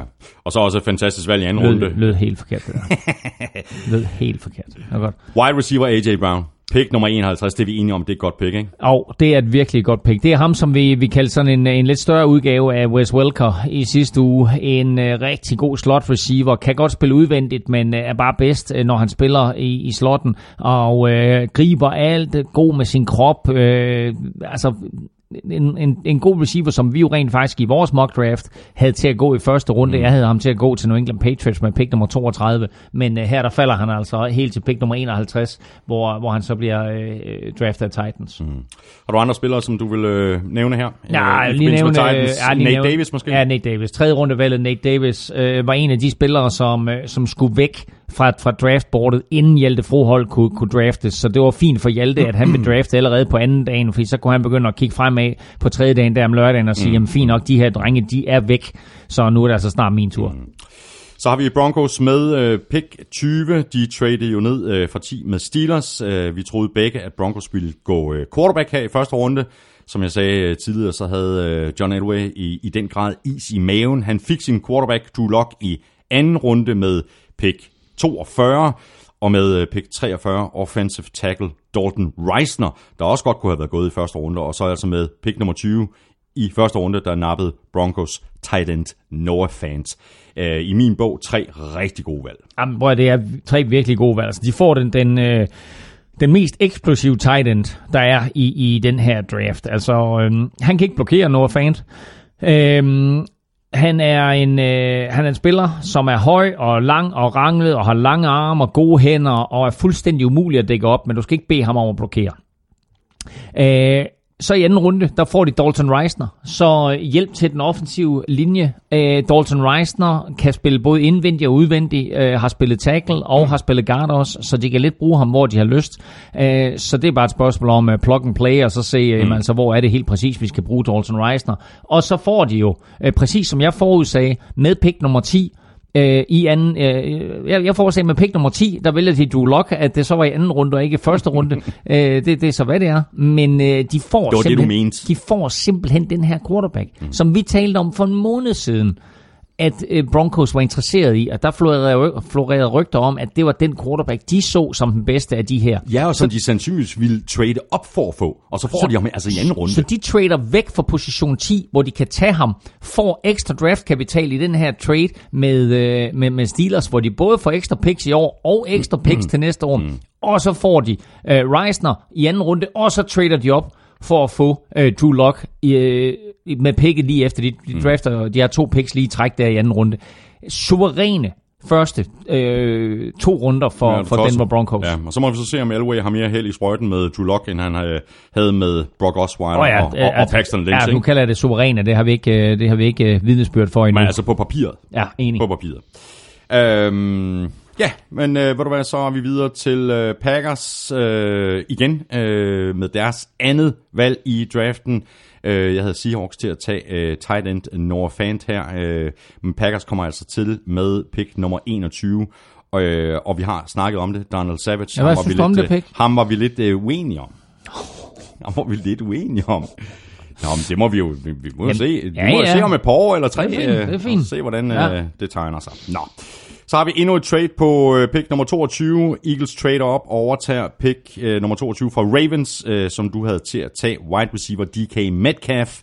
Øh, jeg havde øh, Eagles øh, til at tage cornerback Byron Murphy øh, senere i draften. Eagles tager så offensive tackle Andre Dillard, øh, der øh, måske er udsat til at skulle afløse øh, den, øh, kan vi vel godt kalde ham, kommende Hall of Famer Jason Peterson, han trækker sig tilbage. Jeg mener, han er, mm. han er 37 nu eller sådan noget. Vi to havde en, øh, han snak omkring, øh, hvad de her forskellige hold, de havde brug for inden draften, og så siger du, kunne man forestille sig, at Eagles, de, øh, de drafter O-line i første runde, og siger, nej, de kommer ikke til at, prøv at tænke på, hvor god en offensiv linje de har, selvfølgelig gør de ikke det. Og så siger du, nej, nej, nej, selvfølgelig gør de ikke det. Hvad gør Eagles? ikke bare drafter de en O-line, de trader op for at drafte en O-line, og så får de Andre Dillard. Øh, og fuldstændig som du siger, så er det her med et udkig på den lange bane, fordi de kigger på Andre Dillard, og så siger de, fint, her er vores venstre tackle. Det her, det er ubetinget den bedste pass protector i det her års draft. Han skal ind, og så skal han lige lære Jason Peters et år. Det kan godt være, at vi skal have ham ind et eller andet sted på den offensive linje her i løbet af sæsonen. Han er måske for dygtig til ikke at benytte sig af, men primært så skal han lære fra Jason Peters. Og når så Jason Peters trækker sig tilbage, så er øh, kontinuiteten sikret. Så kommer Andre Dillard derind, og kigger man på det Eagles-mandskab, der vandt Super Bowl for i år. Hvad vandt de på? De vandt på styrke på den offensive linje, og de vandt på styrke på den defensive mm, linje. Mm. Fuldstændig de der gamle kvaliteter, som man ved, der vinder fodboldkampe, være stærkest i skyttegraven. Det var de både øh, på angrebssiden og på forsvarssiden. Nu har de sikret kontinuiteten på den offensive linje. Mm, præcis. Og så havde de jo øh, brændt et øh, 6. rundevalg af øh, på at hente øh, tidligere Bears running back øh, Jordan Howard. Øh, de skulle så ikke nyde noget af at blive ramt af, af skader, som de ikke kan håndtere ligesom sidste år. Øh, og derfor draftede de altså running back i anden runde, Miles Sanders, og han skal nok få spilletid.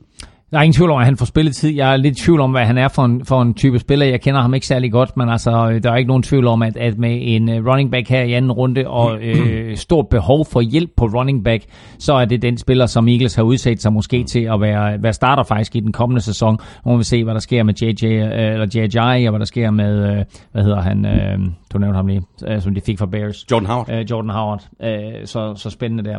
Øh, jeg vil lige fremhæve en, en, en spiller yderligere, øh, som, øh, som Eagles drafter, og det gør de også i anden runde, mm. og det er den receiver, der hedder J.J. Arcega Whiteside. Ja. Øh, langt navn, øh, men læg mærke til ham. J.J. Arcega Whiteside, han har altså et enormt potentiale. Ja. Er det bye-bye til Nelson Aguilar nu? Altså, de, På, øh, ja, altså... Det, altså inden ved at trade ham, ja. eller lade ham gå næste sæson, ikke? Jo, måske næste sæson. Han ja. spiller i 2019-sæsonen, øh, og det er ikke sikkert, at han spiller for Eagles, fordi der er, altså, der er jo forlydende om nogle spillere, som, som måske stadigvæk kan nå at blive traded. Øh, nu nævnte jeg Solomon Thomas, fra 49ers, mm. så er der Nelson Aguilar, og så er der Jadavian Clowney. Altså alle tre er der sådan rygter om, ja. at, øh, at deres respektive klubber øh, vil forsøge at trade og, og få noget for. Så øh, nu, nu skal vi, øh, nu, nu skal vi øh, slå koldt vand i blodet her. Draften er lige overstået videre, men bag ved kulisserne, der foregår der altså en masse ting ja, det er allerede. Ikke, det er ikke slut endnu. Og så er vi fremme ved øh, Texans med øh, pick 23, øh, og hvis der var noget, Texans havde behov for, så var det hjælp på den offensive linje, ikke mindst på tackle. Det var derfor, jeg havde dem til at tage Jonah Williams her i vores mock. Positionen var rigtig. Texans valgte så offensive tackle Titus Howard. Og det her, det er et katastrofepick.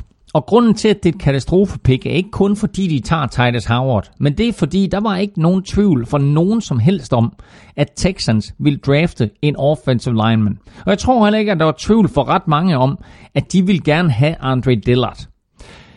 Så sker der det, at Eagles snyder dem på målstregen, trader op mm. til pick 22 og tager Andre Dillard. Og det er der, hvor jeg sagde i starten, at jeg tror, at Texans de sidder og kigger på det pick der, og så tænker de, shit, de havde skrevet Andre Dillard på kortet, de var klar til at indlevere den seddel og, og sige til Roger Goodell, her er den spiller, vi gerne vil have. Så ryger Andre Dillard. Og der tror jeg, at de der 10 minutter, som Texans de havde, de gik alt, alt for stærkt. Fordi, og det virker som om, de reacher her, ikke? Fordi de holder fast i positionen, og så siger det okay. Fordi det garanteret ikke, de har garanteret ikke haft øh, Titus Howard i den samme blok på deres, øh, på deres øh, draftboard. Altså det, det, det tvivler jeg i hvert fald på. Altså, det tror jeg men, ikke men på. altså, det de, jeg ikke, de, har jo, de har jo på en eller anden måde haft Titus Howard øh, rangeret højt, siden at det er den næste spiller, de går med.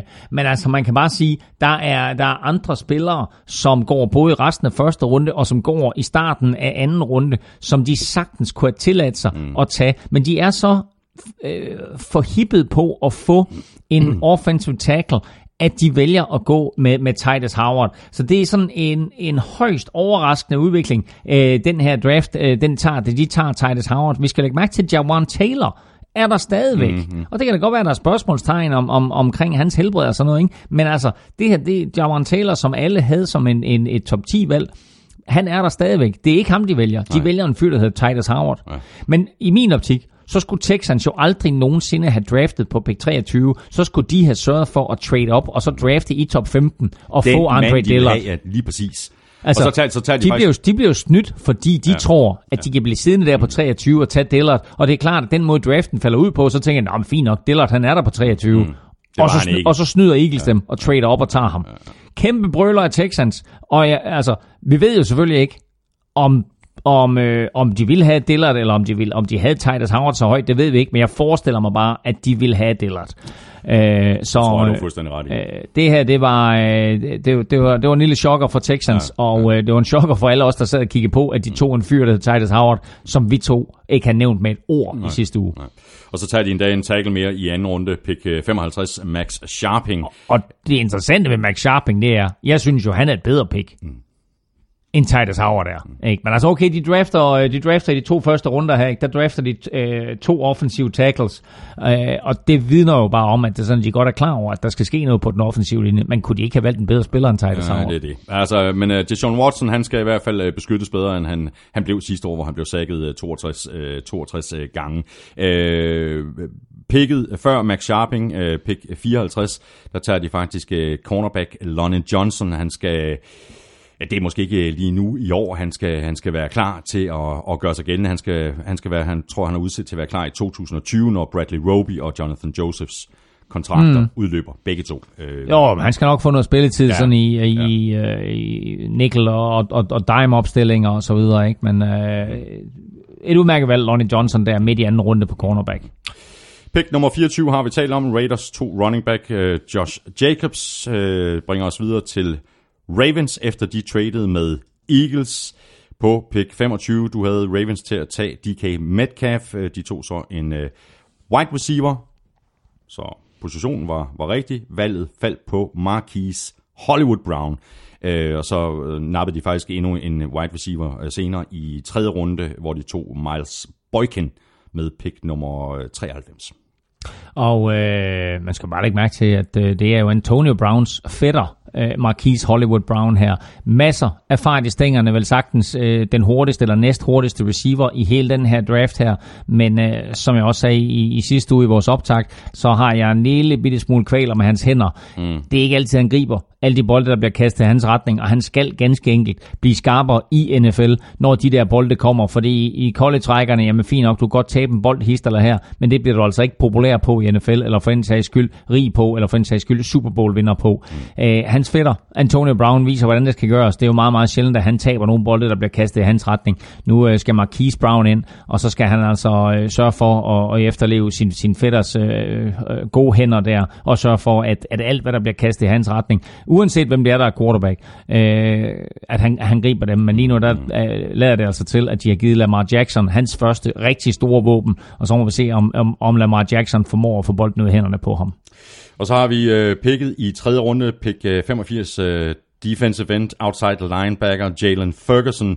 Øh, jeg er lidt nervøs for at sige, men jeg synes faktisk ikke, det er et helt tosset valg, fordi øh, altså, Sadarius Smith røg til Packers, øh, Terrell Suggs smuttede til Cardinals i free agency, så der er altså ligesom, øh, der er nogle huller, der skal fyldes, ikke?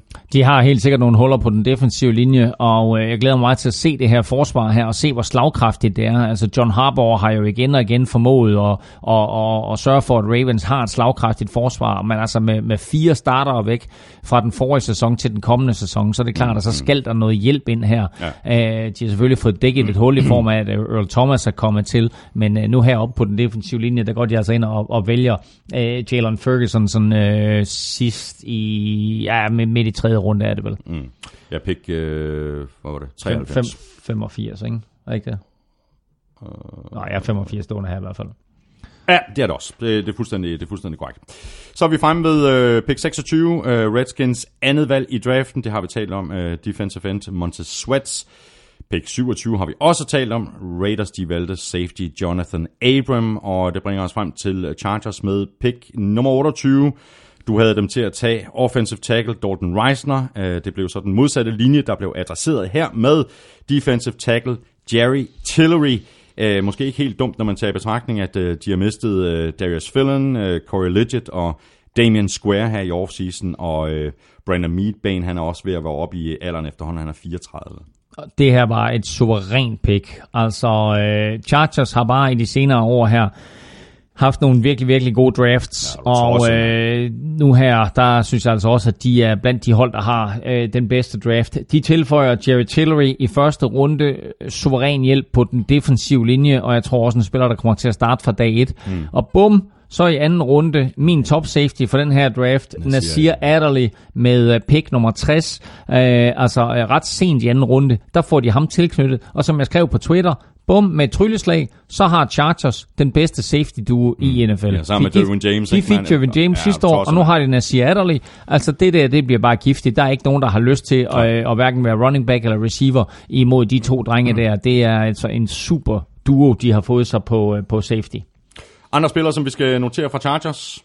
Øh, nej, men jeg vil lige sige, at vi glemte faktisk lige en uh, spiller, der vi snakkede om, uh, om Ravens, fordi jeg vil lige, og det er meget usædvanligt at, at, at fremhæve et, et 6. runde pick, men altså man husker jo alle sammen uh, det pick uh, 199, som, Nå, uh, ja. som uh, hvad hedder de, Patriots, de foretog sig i år de nappede en 2000. quarterback? Nappede en quarterback, uh, som, som hed Tom Brady, ikke? Uh, Ravens draftede i 6. runde med pick nummer 197, en fyr, der hedder Trace McSorley, og uh, han er altså en meget sjov type, og uh, skulle Lamar Jackson blive, uh, blive skadet, uh, så er Trace McSorley meget den samme type spiller, mm. så uh, han kunne altså sagtens uh, se noget spilletid i år, Trace McSorley. Nå, det var lige tid, uh, Ja, men sidspring. det er fint. Så har vi øh, Seahawks med pick 29. Øh, det var det pick, de fik fra, fra Chiefs i øh, Frank Clark traded, øh, og det var så her, jeg havde øh, center Garrett Bradbury til at gå til Chiefs. Seahawks, de går defensive end med L.J. Collier, øh, og ligesom med så meget andet, øh, Seahawks, de foretager sig, så var det her øh, noget af en overraskelse for mig. Øh, ikke positionen, men spilleren, som jeg i hvert fald ikke forventede ville blive valgt i, i første runde, og jeg tror, du har det på samme måde, og vi nævnte ham ikke med et eneste ord i, i vores øh, sidste Nej, men jeg tænkte meget på ham. Nej, øh, det gjorde vi ikke, og øh, jeg sad også og kiggede på det pick der, så tænkte jeg, hvad pokker er det, der sker? Øh, men igen må jeg bare rose min gode kludrenge, og så sige, jamen altså, øh, der var flere af dem, som øh, godt vidste, hvem han, han er, øh, og, øh, og siger, at det er faktisk et OK pick, altså øh, når, når du vil have defensive end og så videre, og med den måde, som første runde udviklede sig på, så var AJ Collier faktisk et OK pick. Øh, jeg er ikke nødvendigvis fan af det pick på pick 29, men øh, LJ Collier kommer ind og skal erstatte Frank Clark. Mm. Øh, det er to forskellige typer. Frank Clark er mere en pass rusher. Øh, LJ Collier er mere en helstøbt defensive end, der er god både mod, mod løb og mod kast. Øh, men altså umiddelbart, som jeg også sagde tidligere, så synes jeg, at Frank Clark er en superstjerne. Det ved vi ikke, om AJ Collier han hverken er eller bliver.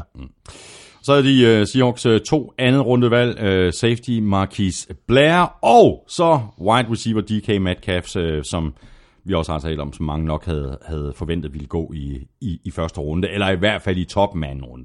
Ja, helt sikkert. Altså et, øh, øh, lidt et chok, at han falder til det aller sidste pick i anden runde, men altså, jeg er da glad på hans vegne over, at han ikke øh, skulle ind i tredje runde. Ja, og han lander det perfekte sted sammen med Russell Wilson, ikke? Fordi sådan som Russell Wilson, han scrambler, altså DK Metcalf, Ja. Han, han er måske ikke den bedste øh, øh, spiller til at løbe ruter. Mm. Så øh, når øh, Russell han løber rundt dernede og, og, og scrambler, jamen så er alle spillene, så er, så er, alle ruter jo opbrugt, ikke? Så handler det bare om, kan du løbe dig fri, så skal Russell nok øh, finde dig, så han passer perfekt der. Det, det Jamen, tror øh, jeg, jeg, det er godt glæder mig til at se, om den spot om den går i opfyldelse. ja. øhm, hvor meget er der tilbage i Doc Baldwin i øvrigt? I Doc Baldwin? Ja. Jamen altså, Doc Baldwin er jo muligvis færdig. Ja, præcis. Øh, altså, øh, vi, øh, der, der kom nogle øh, ret bekymrende meldinger om, at, at han er så skadet og har taget, øh, at det har taget så hårdt på ham at spille i NFL, mm. at han måske har spillet mm. sin, øh, sin sidste down i NFL. Nu må vi lige se tiden an og se, hvad der sker. Men øh, umiddelbart så er meldingen, at Doc Baldwin han er færdig. Ja. Pick nummer 30. Uh, Giants trader ind i uh, første runde og tager cornerback DeAndre Baker. Ham har vi talt om. Uh, du havde Packers til at tage guard Cody Ford her i vores øh, mock. Rams havde pick 31. Øh, Falcons stempler sig ind for anden gang i første runde via trade. Og her tager de så offensive tackle Caleb McGarry. Ham har vi også talt om. Jeg havde Rams til at tage guard Chris Lindstrom her på pick 31. Og så har vi de øh, forsvarende mester for Patriots øh, på pick 32. Havde en øh, fantastisk draft, ikke mindst på grund af pick nummer 118. Ja, ja, men altså, øh, lad os vente med pick 118, og så lad os tale om øh, den her draft, som fra første fløjt og mere eller mindre hele vejen igennem er super solid for Patriots. Jeg synes, de to store vinder i årets draft, det er Arizona Cardinals ja. og så New England Patriots. Patriots. Jeg synes, at de ramte plet på nærmest alle picks. Så øh, en virkelig, virkelig god draft af Patriots, der starter med øh, N'Keal Harry, som øh, vi to talte om øh, i sidste uge, og som jeg faktisk havde beskrevet som den potentielt bedste receiver mm. i den her draft. Og det, før vores mock draft, øh, der talte vi faktisk om det, og du, øh, du sagde, ah, men du havde lyst til at tage en Kill Harry højt, og sådan, ah, men tænkte, så tror du alligevel, det bliver det, og... Men altså, du havde, du, Jeg havde- du, jeg valgte- havde- du havde AJ Brown i vores mock draft, ikke? og så blev det en Kill Harry. Ja, så det tog en receiver, øh, og øh, det blev altså en Kill Harry, og, og nu må vi se øh, den sidste receiver, som, som Patriots tog i første runde. Der skal vi altså helt tilbage til, jeg mener 1999 draft må det være, med ja. Terry Glenn. Mm. Og Terry Glenn fik jo altså stor succes øh, i, øh, i NFL, så altså, kan de ramme plet igen med en receiver i første runde, så er der gode udsigter for, for en Kiel Harry, og så har Tom Brady altså fået noget at kaste til. Ja, og nu bliver Demarius Thomas måske øh, overflødig. Der er i hvert fald ikke sådan det samme rush på for at få ham tilbage, og, og de kan måske også sådan kigge lidt mere afslappet over mod Josh Gordon og se, hvad, hvad, hvad, hvad det bliver til. Altså nu når de har, har draftet Nikhil øh, Harry så højt, ikke? Jo, jo, men altså, nu skal en, Kiel Harry jo lige slå til først. Øh, tror jeg også, altså, han gør det. Jo, det tror jeg, og han, han, han er høj, og han er, han er stor, og han er en virkelig, virkelig dygtig receiver, så øh, det, det her, det skal nok blive et godt våben for Tom Brady, men det er bare meget interessant, ikke, at, at Patriots har Tom Brady, og det ved dem fint nok, vi skal omgive ham her med nogle våben, for at, det sådan, at han kan blive med at have succes, så de Mm, drafter en receiver til ham, og øh, de drafter også en, et, et par running backs til ham, og de drafter hjælp på den offensive linje. Packers, ikke? Har Aaron Rodgers, hvad gør de? De drafter to defensive spillere i første runde, ikke? Så det, jeg synes, det er bare en, en markant anderledes øh, tilgang øh, til, til, til det hele. Øh, men lad os holde fast i Patriots draft her, fordi i anden runde, der drafter de en cornerback, som hedder øh, Jojo Williams. Virkelig, virkelig en dygtig spiller. David Montgomery. En stor gut, ikke? Jo, altså, altså en... en Altså, han, en, han kan matche de store receivers Præcis. og, og, og tight ends, ikke? Lige nøjagtigt, og det er jo i hvert fald de store receiver, øh, men, men vigtigere for den type spillere ind på holdet. David Montgomery i øh, tredje runde, øh, running back er også et fint valg. Så kommer der et af mine yndlingsvalg for Patriots i den her draft, og det er, at de tager øh, Chase Winovich, mm. som er øh, Defensive edge, ed, edge ja. eller defensive end fra, fra Michigan. Øh, mange havde ham til at gå højere, de får ham i tredje runde, et super, super solidt pick. Damian Harris, running back fra Alabama, mm. var, havde mange til at være den næstbedste running back i den her draft, og det mærke han spillede jo så på hold med Josh Jacobs, ikke? så de to mm. var altså fra samme skole. Øhm, ham får de også i tredje runde. Ja, og så har, hvordan får han spilletid? Så der er Sony Michel, der er Rex Burkhead, der er James White, der allerede er, i- er i backfielden, og der har øh, forholdsvis klart mm. definerede roller, ikke? Mm, ja, Og så har, de, har, de, har de det? Øh, det de, altså på running back positionen, der bruger Patriots jo bare next man up, eller, eller øh, look who's the lucky guy i den her uge. Fordi det er jo, det er jo, de skifter jo bare. Ikke? Ja, Altså, ja. du ved, nå, så sætter vi ham derind, og så sætter vi ham derind, og så bruger vi lige ham der. Så det er jo, det er jo et spørgsmål om, et af de interviews, jeg hørte med Hjalte, var også meget sjovt, for der siger han, det interessante ved Patriots, det er, at du kan jo ikke definere, hvad det er for et angreb. Mm. Nogle uger, der, der løber vi, andre uger, der kaster vi, mm. nogle uger, øh, der løber vi tungt, andre uger, der løber vi let, nogle uger, der kaster vi kort, nogle uger, der kaster vi langt. Det her, det er jo et, et, et hold, som med Bill Belichick og især Josh McDaniels, jo er så varieret i det, de vil og det, de kan, mm. at det er fint at få øh, Damian Harris ind her. Men det er alligevel det, det er voldsomt mange running backs at have på rosteret, ikke? Jo, og så mange, der kan så meget, ikke? Altså, Ja. Men også bare så mange, som, som fungerer i det her system, mm. og så kan du tage de der running backs, og så kan du smide dem ind i andre systemer, og så bliver folk skuffet. Så, hvorfor han var der så god for Patriots? Jo, jamen, det var den måde, Patriots de spillede ja, fodbold på. Ja, ja. Øh, så vil jeg fremhæve endnu en spiller, og det er igen de her kompensationspicks. Da tredje runde den er slut, så har Patriots jo nogle kompensationspicks, og det er det, de er så fantastiske til. Det er bare at samle draft picks, og samle draft picks, og samle draft picks. Øh, som et kompensationspick, der tager de en offensive tackle, der hedder øh, Jodney Kajust. Og øh, han er altså også bare en spiller, som på den lange bane kan blive rigtig, rigtig god for dem, og virkelig solid værdi i tredje runde. Mm. Det er 17 picks, øh, før de napper. Øh, en anden øh, spiller, som vi håber kommer til at gøre sig rigtig, rigtig godt på, på den offensive linje, nemlig Hjelte. Tredje runde slutter Det er fredag. vildt, det er stadigvæk vildt ikke? Tredje runde slutter fredag. Men efter de her kompensationspicks de er overstået, så har klubberne øh, et halvt døgn mere eller mindre til at gøre sig klar, fordi øh, øh, mens, mens øh, de her to første runder, torsdag og fredag, de starter sent, så starter øh, tredje runde allerede til frokost amerikansk tid. Mm. Så der har man altså lidt kortere tid til at forberede sig. Men Patriots har forberedt sig, og de ved præcis, hvad de vil, så de går ind, og med, mener det er det 14. pick i fjerde runde, der vælger de Hjalte Frohold. Og der må jeg sige, der fløj jeg op af sofaen. Altså, det var, øh, det var et stort øjeblik for mig, og det var et stort øjeblik for Hjalte og hele hans familie at gå ind og se det her klip, vi Kæmpe talte om. øjeblik for hele fodbold og det, Danmark, ikke? Og det er et kæmpe øjeblik for fodbold i Danmark. og et kæmpe øjeblik for dansk-amerikansk fodbold. Det er det, jeg siger. Ja, det er simpelthen- altså, det, det, det, det det, kan- det, det det, betyder så det meget. her. Det betyder rigtig meget for alle de unge drenge derude, der, der tænker, at det kan aldrig nogensinde lykkes. Jo, Jo, det kan det godt. Hvis du tror på drømmen, så kan det lykkes. Ja. Og det betyder rigtig meget for dansk-amerikansk fodbold også. Måske netop, at det er lige nøjagtigt Patriots, han kommer til. Mm. Fordi der vil sidde mange mennesker i det danske land, som normalt ikke går op i fodbold, men som selvfølgelig har hørt om New England Patriots, har hørt om Tom Brady, har hørt om Giselle Bündchen, har hørt om Bill Belichick.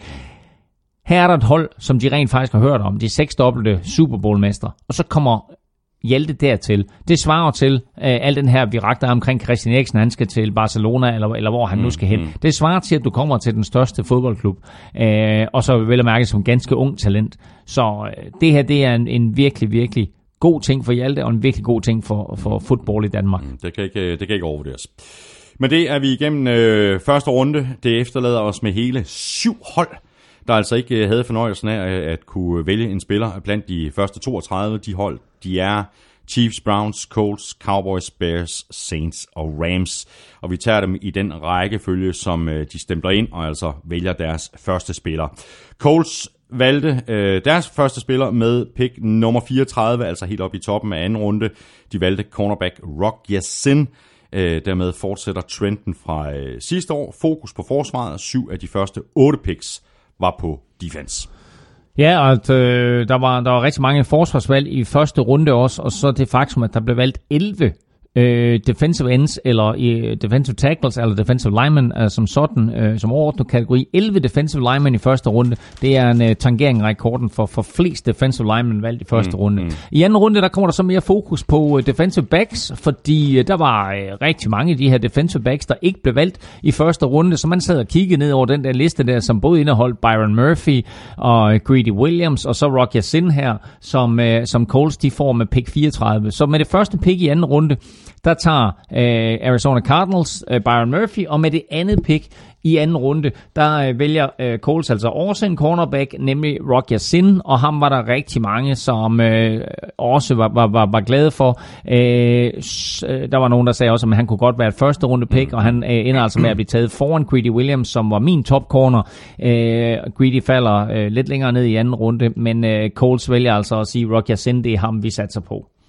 Ja, altså hvis man kigger på Colts, er så stort fokus på linebacker og secondary, og ikke så meget på den defensive linje i virkeligheden. Og så tager de så også øh, en wide receiver, øh, Paris Campbell, øh, som de også tager i, øh, i anden runde med. De har jo faktisk de har tre øh, anden runde picks, øh, tager med pick nummer 59. Ja, de trader ud af, af første runde og, øh, og, og får et ekstra valg i anden runde. Så i den her anden runde med så mange gode spillere, så har de altså tre picks. Og mm. vi skal bare tænke tilbage på sidste år, hvor de vælger både Darius Leonard og Braden Smith i anden runde, som jo er blevet omgående starter for ja. dem. Altså kan de ramme plet på to ud af de tre her, så har de jo gjort det, det godt igen. Øh, de har øh, seks picks i øh, skal vi se, 1, 2, 3, 4, 5, 6. De har syv picks i de første fem runder. Mm.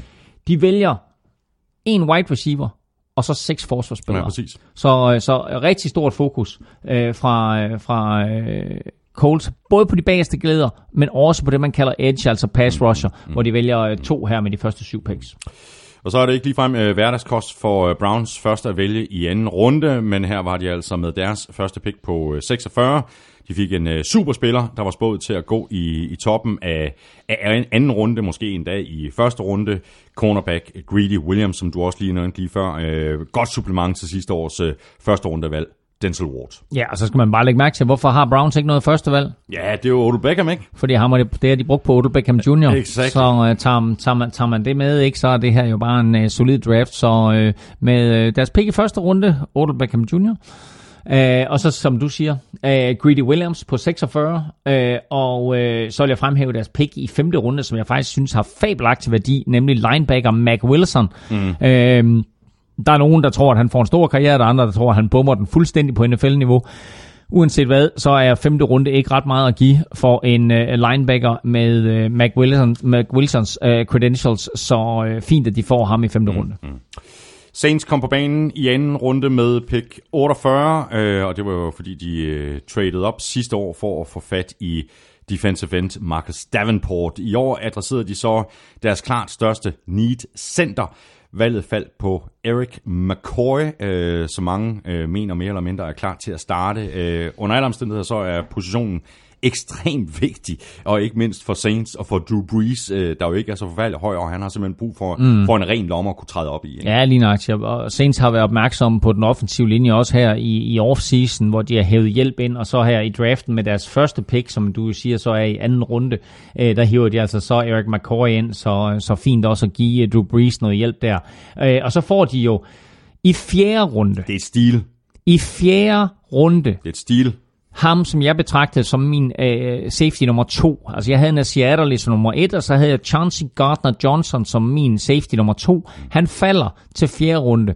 Så det her, det er jo et af de helt store steals i, i min optik. Så er spørgsmålet selvfølgelig, om han slår til på, mm. på NFL-niveau. Men tænk så, at her er altså en spiller, som, øh, som jeg havde udset helt- til måske at være første runde pick, og i hvert fald 100% sikkert anden runde pick. Han falder altså helt ned til, øh, til pick nummer 105, hvor, øh, hvor Saints får fat i ham. Så virkelig, virkelig god værdi der. Mm.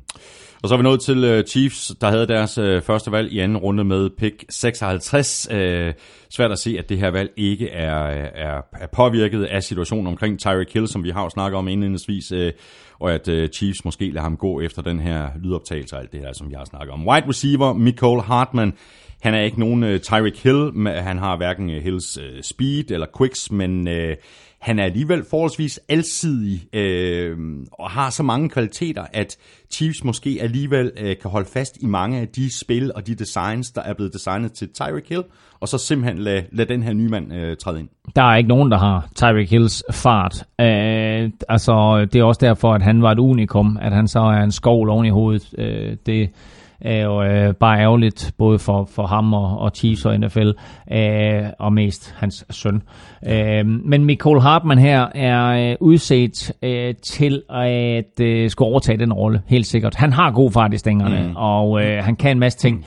Øh, han er også en af de der drenge, som lige skal lære at gribe bolden lidt mere rent, øh, og skal vise, at det er sådan, at når, nu, nu, nu er du professionel, min ven, nu er du ikke i college længere, nu er det, nu er det, ikke, nu er det ikke sådan et hyggespil længere, nu er det rent faktisk øh, penge og mesterskaber og alt muligt andet, det drejer sig om. Mm, mm. Så øh, han, skal, øh, han skal forbedre øh, sådan, sin generelle kvalitet af spil, og især sine hænder, men farten, den har han. Mm.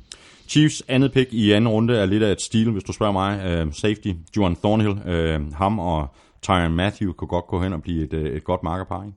Jo, det må man sige. Og så skal man jo lægge mærke til, at øh, Eric Berry jo øh, stadigvæk er free agent. Øh, det lader jo ikke til, at han kommer tilbage til... Øh, til, til Chiefs. Øh, jeg vil godt lige, bare lige minde om, at nu er draften overstået, og alle de her spillere er kommet ud på nye hold, og folk glæder sig til at se, øh, hvad er det, de, de tilfører mit hold. Og så er der nogle klubber, som kigger på, okay, men vi fik fyldt den position, og vi fik fyldt det hul, og vi fik ham der til fremtiden. Mm. Men altså, Ndoma Kansu er free agent. Han er stadigvæk derude. Ezekiel Answer er free agent. Han er stadigvæk derude. Eric Brown er free agent. Sa- øh, eller Eric Berry er, er free agent. Zach Brown, Nick Perry, Jamie Collins og Timmy Jernigan. Hmm. Der, Altså, er nogle spillere, der, er, der er nogle spillere derude, som kommer til at få en kontrakt her over den næste øh, 3-4 uger, øh, og er klar til, ja. til, til, til minicamp og så videre. Mm. Øh, det kan også være, at der er nogle af dem, sådan lidt afhængig af, hvordan deres kontrakt er skruet sammen, som først kan få en kontrakt efter 1. juni. Øh, så nu må vi se på det. Og så, øh, som jeg sagde tidligere, øh, der er de her spillere, som bliver traded, måske bliver traded, i hvert fald øh, forhører holdene sig hos de andre hold lige nu, om der er nogen, der er interesseret. Og så skal vi lægge mærke til også, at der vil blive spillere, som bliver kottet nu her, som vi bare tænker, hold da kæft, bliver han kottet. Mm. En af dem, det er Atlanta Falcons, de er allerede kottet øh, guard Brandon Fosco. De sparer 3,5 millioner dollars øh, på den konto, og han er bare den første. Der vil komme rigtig, rigtig mange spillere, som bliver kottet nu her. Mm. Og lige en øh, sidste spiller, som jeg lige vil øh, forholde mig til øh, for Chiefs draft. Øh, defensive tackle, Kalen Saunders i tredje runde giver mening, øh, synes jeg, fordi Chiefs run defense øh, har, ikke, været- har ikke været godt de seneste år, vel? Ah, men nu skal jeg lige have styr på Kalen Saunders, fordi øh, hvis, jeg, øh, hvis jeg har ret her, så spiller han offensive lineman. Så, Nej, det er, det er han ikke. Han, han er, du, har- du har fuldstændig ret. Han, han står som defensive tackle. Øh, min fejl, jeg har, ikke, jeg har ikke tjekket op på ham, så jeg har ikke øh, styr på, hvem Kalen, Men det er også med, hvem, jeg, jeg, jeg, Kalen Saunders nej, jeg er. har kun, jeg har kun set uh, ganske få klip med ham, Ja. men det er, mere, uh, det er mere positionen, jeg tænker på, Ja. i forhold til, at Chiefs, Chiefs run defense har været så ringe, så Ja. at de adresserer positionen, ikke? Helt sikkert, og det, og det er, altså, øh, er jo væsentligt for et hvert hold at få fyldt de her huller. Så øh, man kan gå efter to forskellige strategier. Man kan gå efter øh, det, der hedder best player available, mm. eller man kan gå efter need. Og kan man øh, få begge to opfyldt på samme tid, så øh, er det jo klart det bedste match. Mm. Øh, så, så Kalen Saunders her, jeg ved ikke, hvor de havde ham rangeret henne, men øh, en mand til den defensive linje i tredje runde Ja. er i hvert fald positivt for, for Chiefs. Præcis. Så har vi Cowboys, der stemplede ind på øh, pick 58, de to øh, defensive tackle, Tristan Hill Øh, var jo i virkeligheden ikke deres øh, første valg, det tror jeg også, at øh, mange øh, Cowboys-fans vil, vil minde om, fordi øh, deres første rundevalg var jo i virkeligheden wide receiver Amari Cooper. Præcis. Øh, men altså, Tristan Hill, øh, det er så ham, der skal afløse David Irving, øh, der jo mere eller mindre frivilligt har sagt farvel til NFL. Han har fået endnu en øh, jeg mener, det var på grund af marihuana, og, og Irving har sagt, at han ikke øh, kunne drømme om at vende tilbage, før NFL genovervejer politikken omkring øh, marihuana. Men øh, Tristan Hill øh, kender ikke så forfærdeligt meget til, men har rigtig godt øh, første step. Og så, så ved jeg ikke, om du kan øh, elaborere mere på ham. Nå, altså øh, en, en tung dreng, som, øh, som selvfølgelig øh, hjælper i skyttegraven for, for Dallas Cowboys. En, en anden runde spiller, og man skal bare lægge mærke til, at øh, med, med 11 spillere væk i første runde, så er det klart, at så er det spillere fra andet geled, som man Ja. vælger her. Ja. Men øh, Cowboys synes, at det her det var den bedste spiller, der var tilbage til hjælp til, til, den, øh, til, den, offensiv, eller til den defensive linje. Så et, et, et fint pick der i anden runde. Og lige en uh, spiller, som jeg godt lige vil uh, notere. Det er tredje runde, der tog Cowboys guard Connor McGovern. Og måske øh, er der en plan om, at han skal ind og erstatte sidste års øh, andet rundevalg Connor Williams, som vist ikke har levet helt op til, uh, til de forventninger, der var til ham. Nå, men det er også svært at komme ind på den her offensive linje, ikke? fordi den har, øh, den har haft så stor succes igennem de sidste mange år. Der er jo en lille positiv med det, melding fra, fra, fra Dallas Cowboys, og det er, at center Travis Frederick jo er på vej tilbage, ja. så det vil være rigtig positivt for dem, hvis, uh, hvis han pludselig kan spille igen. Mm. Uh, så får de jo en opgradering til, til, til den offensive linje helt uden for draften, og selvfølgelig mm. på en spiller, som de før har haft, og som de selvfølgelig har investeret en masse i, men jo sad ude sidste år, hele sidste år med, med sygdom. Så kan han komme tilbage, så har du pludselig Tyron Smith på, på, på venstre tackle, Travis Frederick i midten, og så Zach Martin på den højre guard, så skal du kun fylde venstre guard og højre tackle. Ja, Ja, ja. så, så er det her pludselig en, en super solid linje igen. Mm. Lidt bredde på running back bagved uh, Ezekiel Elliott i uh, fjerde runde, hvor de draftede Tony Pollard med pick nummer 128. Og så er vi uh, nået til Rams og deres første pick, efter de traded ud af første runde med pick nummer 61. Der valgte de uh, safety Taylor Rapp. Uh, deres klart største need uh, var på midten af den offensive linje. Også derfor jeg havde dem til at tage guard Chris Lindstrom i vores mock draft. Men både han og Garrett Bradbury var jo væk længe mm. før pick, pick 20. Så i stedet for at reache, traded de så fornuftigt ned for at samle flere picks, picks sammen til en, en form for måske billig bredde på de forvejen godt hold. Uh, og der er masser af store kontrakter allerede, som Rams de skal tage sig af. De har Aaron Donald, Brandon Cooks, Todd Gurley, Dante Fowler. Uh, lige om lidt, uh, så skal de også uh, give Jared Goff en hulens masse penge. Mm. Uh, så jeg synes, det giver meget god mening. Jo, jo, men hvad gør man så, hvis man har dyre spillere på kontrakt? Så drafter man nogle unge spillere, som måske kan øh, slå de øh, gamle dyre spillere af. Mm. Så i tredje runde, der, øh, der vælger øh, Los Angeles Rams en running back, der hedder Daryl Henderson, og øh, ham var der mange, der havde som øh, den næstbedste running back i det her års draft, og ham får Rams altså her.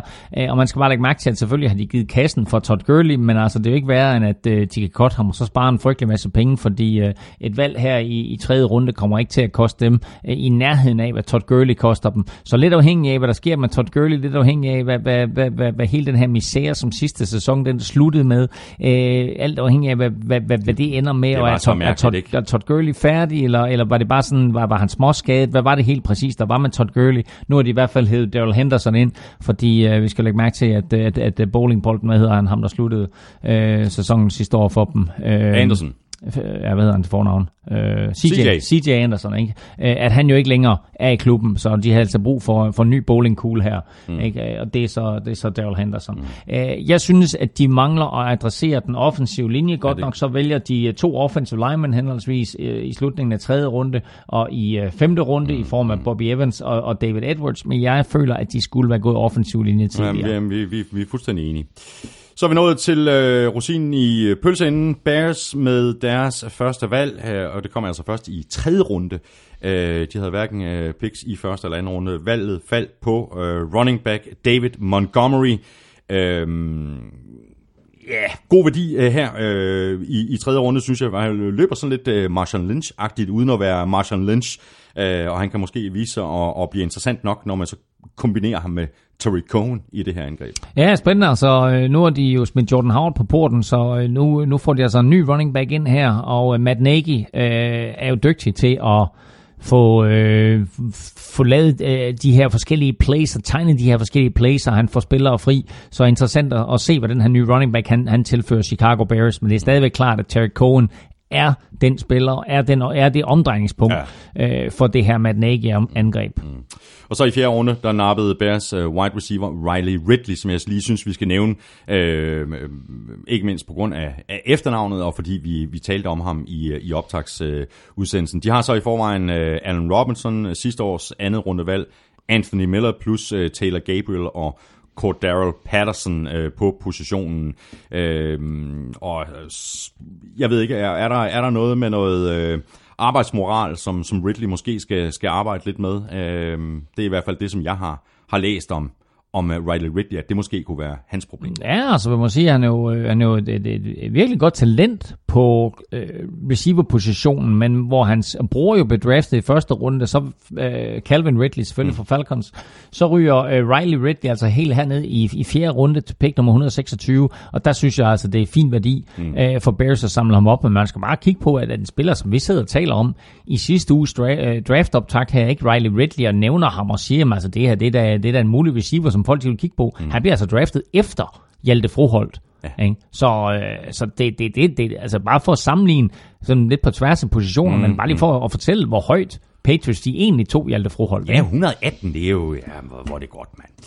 Nå, jamen ved du hvad, Claus, så øh, det var faktisk det. Så har vi været omkring alle holdene, øh, og vi kan sagtens sidde her og prøve at spille kloge, øh, især dig.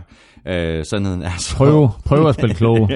Prøve, sandheden prøve er... nøgleordet. Ja, eksakt. Vi ved ikke noget som helst om, hvordan det hele det kommer til at gå. Øh, Der er spillere, der er blevet draftet højt, øh, og som øh, kommer til at skuffe. Og så er der nogle af de her øh, no-names, mere eller mindre, øh, som kommer til at overraske positivt, og som måske bliver øh, fremtidens helt store øh, stjerner. Og hvis jeg, må, hvis jeg må slutte af med, med en, en lille sjov betragtning her, så er det, at at nu taler vi om de her hold, som har haft få draft picks, og nogen, der har haft mange, mange draft picks.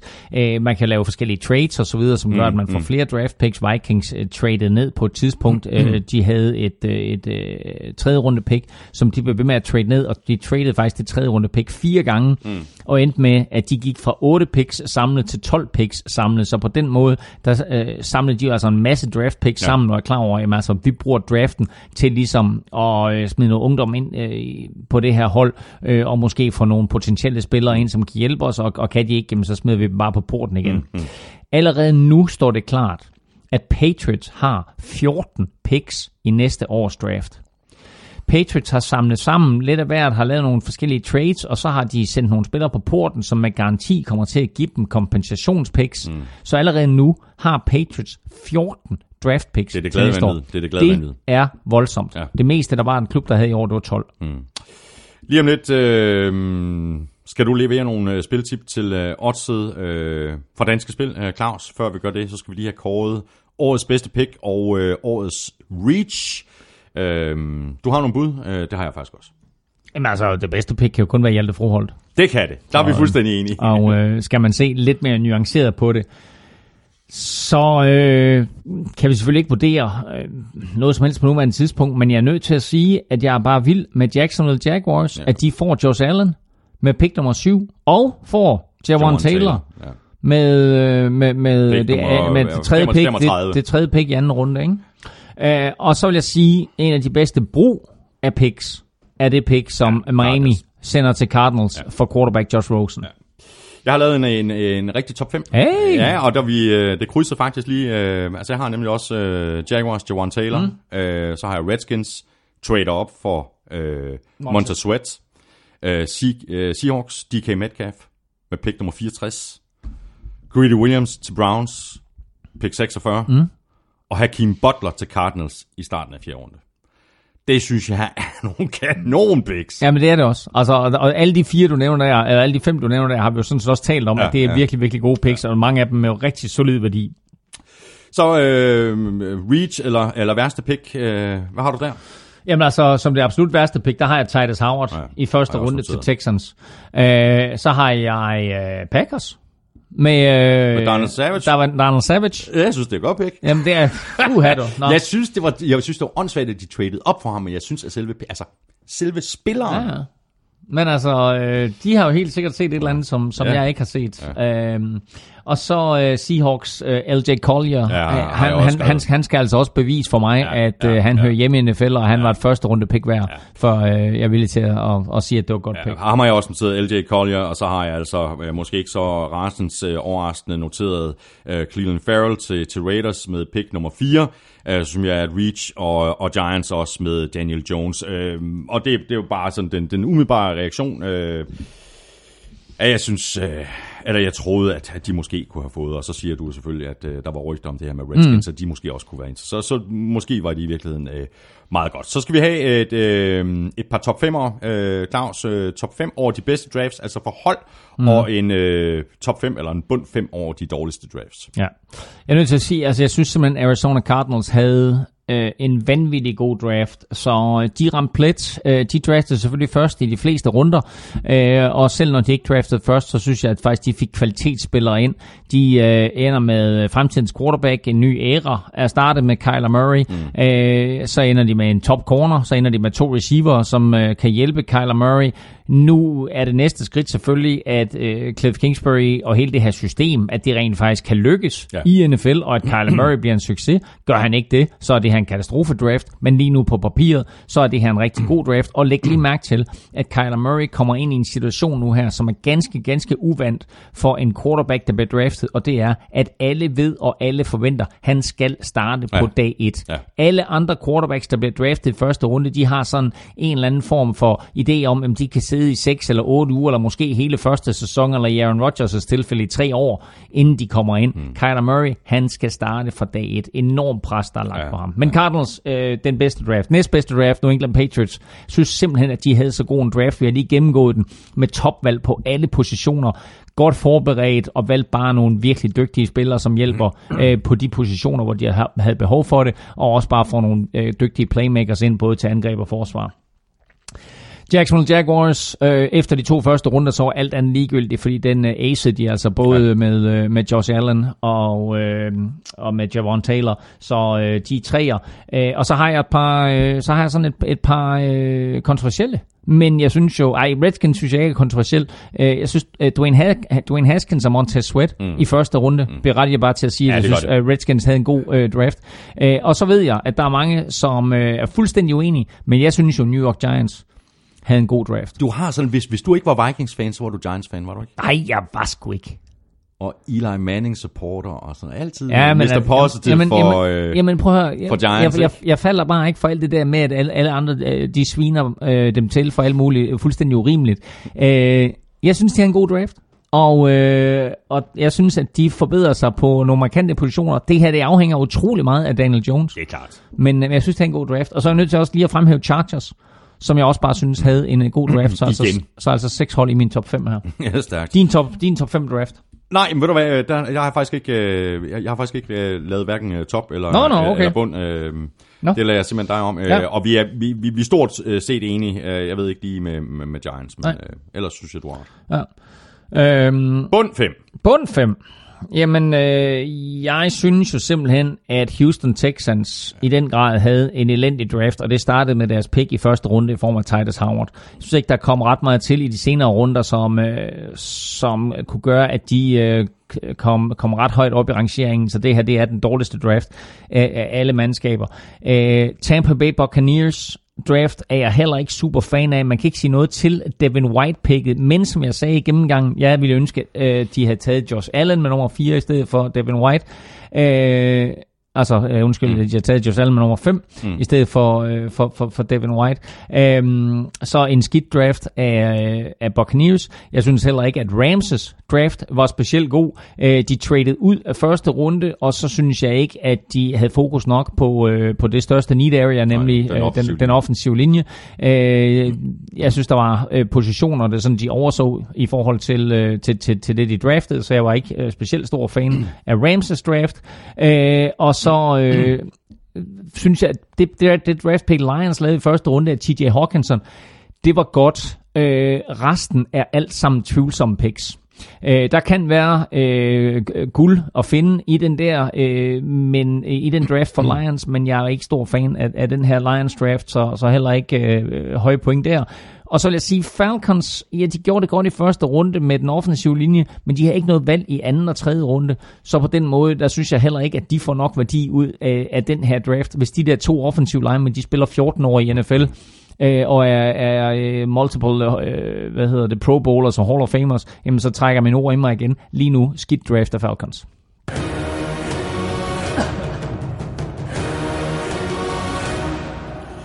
Og lad os så bare få sat nogle øh, penge på øh, oddset fra, fra Dansk Spil, Claus. Øh, spørgsmålet er, om drive, draften her har fået dig til at se på, på oddsene på en, en ny måde. Øh, jeg har en eller anden fornemmelse af, at øh, du har et, øh, et frisk bud på, hvem der vinder Super Bowl i 2019-sæsonen. Ja, altså øh, danske Spil er kommet ud med, øh, med odds på selvfølgelig, hvem der både vinder NFC og hvem der vinder AFC, og øh, øh, selvfølgelig også, hvem der vinder Super Bowl. Så der kan man gå ind og se de her forskellige odds på, øh, på, de, på de forskellige mandskaber. Det er sådan stadigvæk lidt the who's who. Der er ikke så mange øh, forskydninger frem og tilbage. Altså det, som vi har talt om øh, tidligere, det er jo, at Cleveland Browns jo pludselig har katapulteret sig selv øh, sådan ind i, øh, i top 10. Mm. Øh, hvis vi gennemgår dem fra toppen, så øh, New England Patriots er favorit til odds 8, Chiefs til odds 8,5, Rams odds 9, sammen med Saints til odds 9, og så Chargers og Browns til odds 13. Ja. Så altså øh, en del femteplads Hvor er det vildt, at for Browns er at, så øh, højt for, op. for at Browns de vinder Super Hvor Bowl. er det vildt, at det Browns er så højt op. det Odds 13. Det er meget, meget overraskende.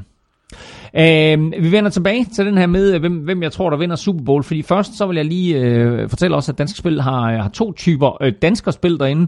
De har nemlig øh, både øh, en øh, Hjalte Froholt øh, special, og så har de en dansker special. Øh, og øh, vi fokuserer på den her Hjalte Froholt special, fordi øh, jeg vil være ude og komme med det, jeg kalder Money in the Bank.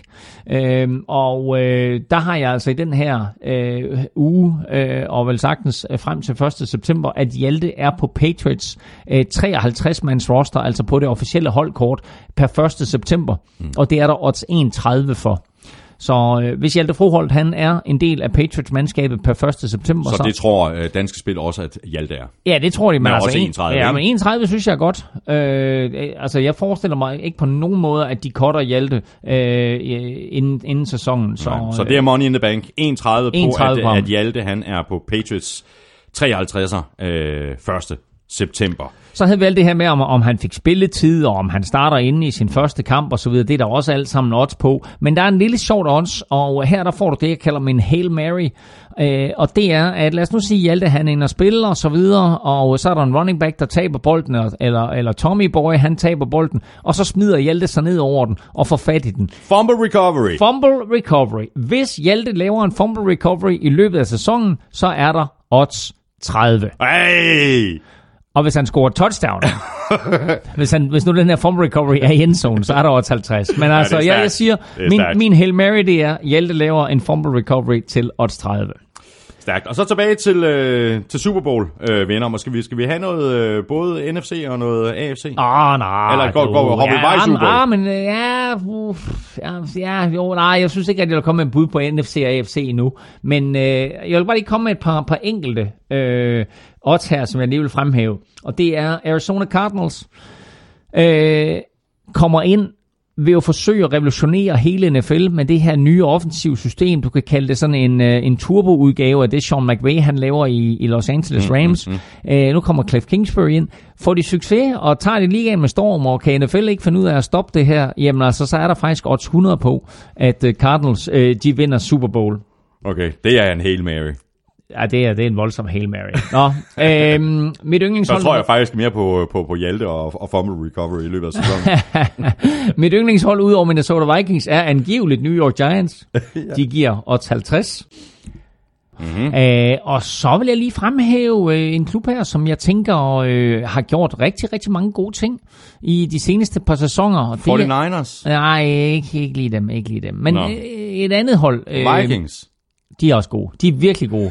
Vikings øh, giver odds 22. Det er faktisk værd at holde øje med. Nej, Ja. det hold, jeg taler om her, det er Indianapolis Colts, som rent faktisk giver odds 18. Odds igen. 18? odds 18. Det er et crazy højt odds. Jeg synes, det er et rigtig godt odds for Indianapolis Colts, som helt sikkert er en af de store outsidere. Ja, det er de virkelig. Jeg, jeg har, dem, jeg har Colts som en af mine øh, favoritter, når sæsonen går i gang. Jeg har dem i... Øh, jeg har dem i øh, sådan en rigtig NFL så top 5 over favoritter, Sådan. Øh, når vi, øh, når Jamen, vi jeg, vender jeg, tilbage jeg, til august. Jeg, jeg glæder mig til august, når vi skal tale øh, favoritter og se, hvad, Ja. der, hvad der er sket her i offseason Ja, også. ja. Men lige nu, på nuværende tidspunkt, øh, her i slutningen af april, der er øh, min øh, favorit til at øh, vinde Super Bowl, eller sige den favorit, hvor der sådan, jeg synes, man får størst værdi, det er øh, Atlanta Falcons. De giver altså odds 30 på nuværende tidspunkt. Wow. Falcons har en masse øh, talent. De har øh, det meste angreb på plads, de har det meste af forsvar på plads. Nu skal de lige have held med de- her nye drenge på den offensive linje, mm. og så skal de have styr på de der skader, som ramte forsvaret øh, sidste år. Men der er rigtig meget talent på det her Falcons-mandskab. Så Falcons til odds 30 er min favorit lige nu. Vi skal have quizzen! Oh. Det er tid til quiz, quiz, quiz, quiz, quiz. Nå, Claus Elming. Ja, ja, jeg stillede dig jo en, øh, en voldsom quiz. Der var mulighed for at score. Ikke? scoret hele 12 point. Der var mulighed for at score 12 point. Kan du ikke lige gentage spørgsmålet? Det, det eneste, du skal svare på, det er, at øh, nu her, hvor Cardinals jo har øh, sikret sig deres øh, quarterback med øh, overall pick nummer 1 i 2019-draften, så var spørgsmålet, hvornår har øh, de tre andre mandskaber i NFC West øh, sidst draftet en quarterback Ja. i første runde? Ja. Hvad hed han? Hvilket nummer blev han draftet? Og hvilken skole gik han på? Yes. Øh, godt så. Øh, ja, der har vi jo øh, 2000, 2016. First overall pick. Jared Goff. Skole. Øh, Kalifornien. Cal. Han var Cal, han var lige til en California boy, så ikke bare var der et, to eller tre, men der var faktisk hele fire point for Jared Goff. Ja, det er skide godt. Og så øh, den næste er jeg også, øh, er jeg også sikker på, øh, i hvert fald noget af vejen. Øh, Alex Smith tilbage i 2005. Og jeg mener, han spillede for Utah. Ja. Og hvad nummer blev han draftet? Ja, etter. Etter. Sådan. Jamen, øh, der var yderligere fire point, så nu ud af 12 mulige point, der har du Nej, scoret otte. 8 point. Det så lad os, bare, lad os bare stoppe her, fordi det er jo Super for, sejt. Ja, det er alt for sejt. Så vi stopper bare her. Det var, Ja, det var nu- sjov. Nu er jeg på røven. Så mangler vi Seahawks. er jeg, der er jeg virkelig øh, i knibe. Der er virkelig i knibe.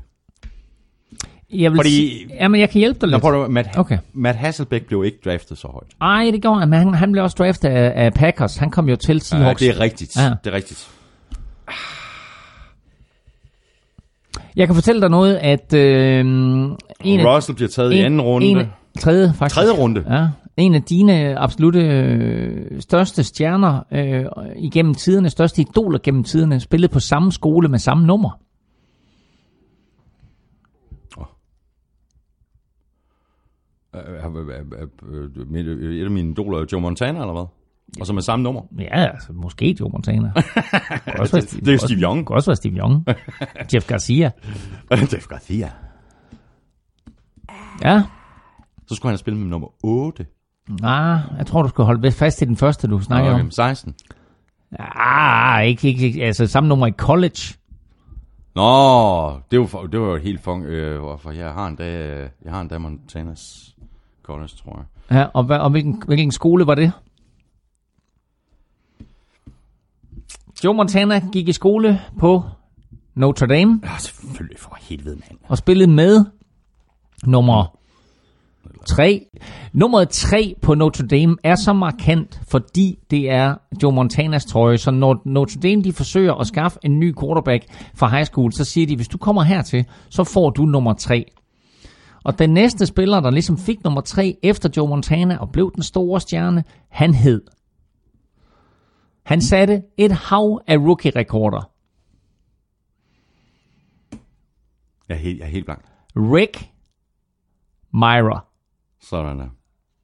Nå, Du, du var der ikke? Nej, det var jeg ikke. Overhovedet ikke. Okay, fair nok. Okay. Jeg ser jo på røven. Okay.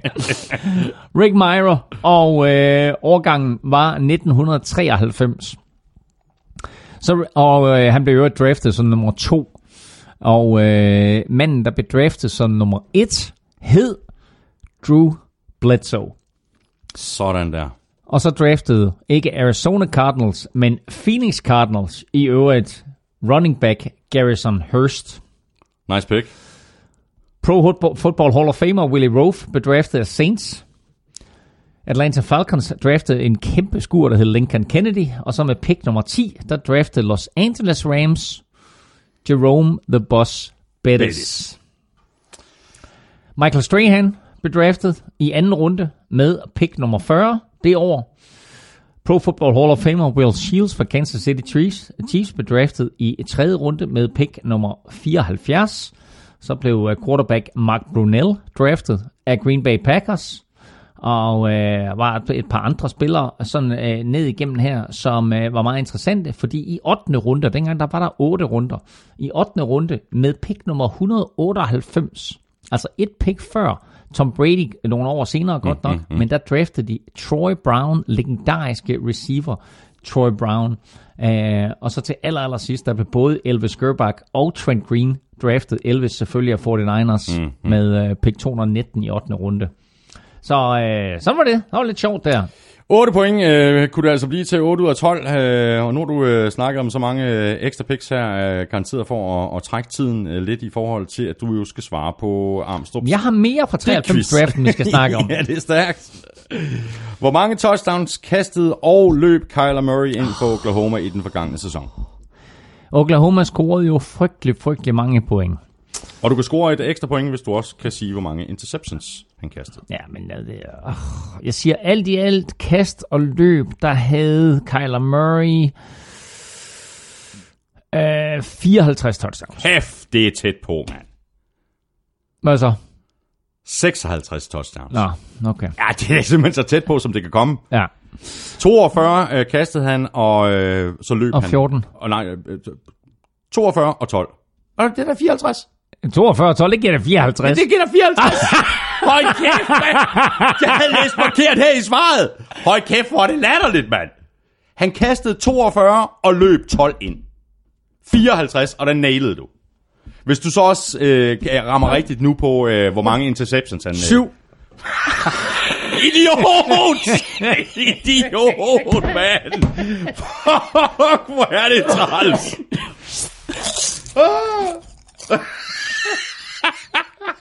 Dit idiot, mand.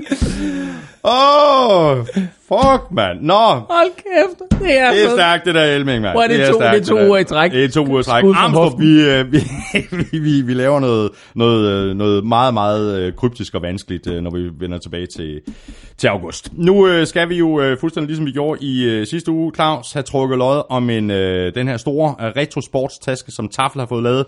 Vi trækker lod blandt alle, der støtter os på øh, tier.dk, eller via det link, der ligger på nflsod.dk. Vi satser på at gøre det igen, når vi er tilbage med vores øh, optagsudsendelser til øh, august. Øh, jeg skal lige have snakket med MVP, Christina, om hvor mange øh, af de her sportstasker, der egentlig er på lager. Hver femmer, du støtter med, giver dig et lod i lodtrækning, uanset hvad vi trækker lod om i øvrigt. Øh, Tusind tak til alle, der støtter os. Det er en øh, kæmpe hjælp. Elming, du er endnu en gang. Lykkeskud ind Godt, og jeg stikker lappen ned her. Der er... i tafelsæk nummer to. Yes. Jeg trækker et øh, navn op her. Øh, wow. Ja, det er Fem, så. fem, 25 kroner doneret, og dermed altså øh, fem lodder i puljen, og øh, navnet må være Karsten i Janker. Jeg skal ikke øh, sige e-mailadressen højt der. Nej. Carsten Janker, øh, stort øh, tillykke til dig. Øh, jeg sender dig lige en øh, mail, og når jeg så har fået din øh, postadresse, så sender jeg den videre til øh, MVP Christina, der så sender dig din øh, tafel øh, sportstaske. Tak for det, Elming. Det har været en, øh, en fornøjelse, som, øh, som altid. Øh, nu, God, god ro og orden. Ja, Ja, det var dejligt. til. Ja, dejligt. Og ja. rigtig lækre øh, tips her. Øh, dejligt at blive kastet tilbage i, i 80'erne, og så kunne få lørdagskylling øh, som tips på pose. I Ja, stedet for at døje med sådan en ja, fol- og- foliebakke, ikke? Og jeg er jo nødt til at sige, at jeg har nærmest tømt den der pose alene. ja, ja, de er rigtig gode. Um, Ja, men ved du, Claus, jeg håber, du får en, en fantastisk sommer. Jeg går ud fra, at uh, du skal lave sådan en uh, lidt uh, Velropa-podcast. Vi er i fuld gang med Velropa podcast, så er man cykelinteresseret, så kan man jo måske øh, slå øh, NFL-ventetiden øh, lidt ihjel ved at lytte til øh, vores øh, cykelpodcast, så, så tak for, at du nævner den. Mm, jamen, det er godt, og så pusler jeg så lidt videre med, med Born Unplugged, og det her kommende folketingsvalg, det tegner til at blive øh, en sand øh, fest. Følg Elming på Twitter på snablag NFLming. Mig kan du følge på snablag Thomas Kvartrup. Du kan også følge NFL-showet på øh, snablag NFL-showet. Det er der, du kan komme i kontakt med os og stille spørgsmål, og det kan du i øvrigt også gøre på mailsnablag.nflshowet.dk. Tak for i dag. Tak fordi du lyttede med. Stor tak til vores sponsorer, Otset fra Danske Spil og Tafel. Støt dem. De øh, støtter os, og det kan du altså også øh, gøre på øh, tier.dk eller via linket på nflshowet.dk. Det er der lige nu 228 andre, der gør. Stort tak til jer og have så en fantastisk sommer. NFL-showet er produceret af Kvartrup Media, der også producerer Born Unplugged, og det er jo den podcast, jeg laver sammen med min øh, fætter Henrik, og vi er på banen igen nu på fredag med alt om ugen i dansk politik. Elming og jeg er som sagt øh, først tilbage igen i slutningen af august. Ha' en god sommer. Ha' det godt så længe. Hot hot.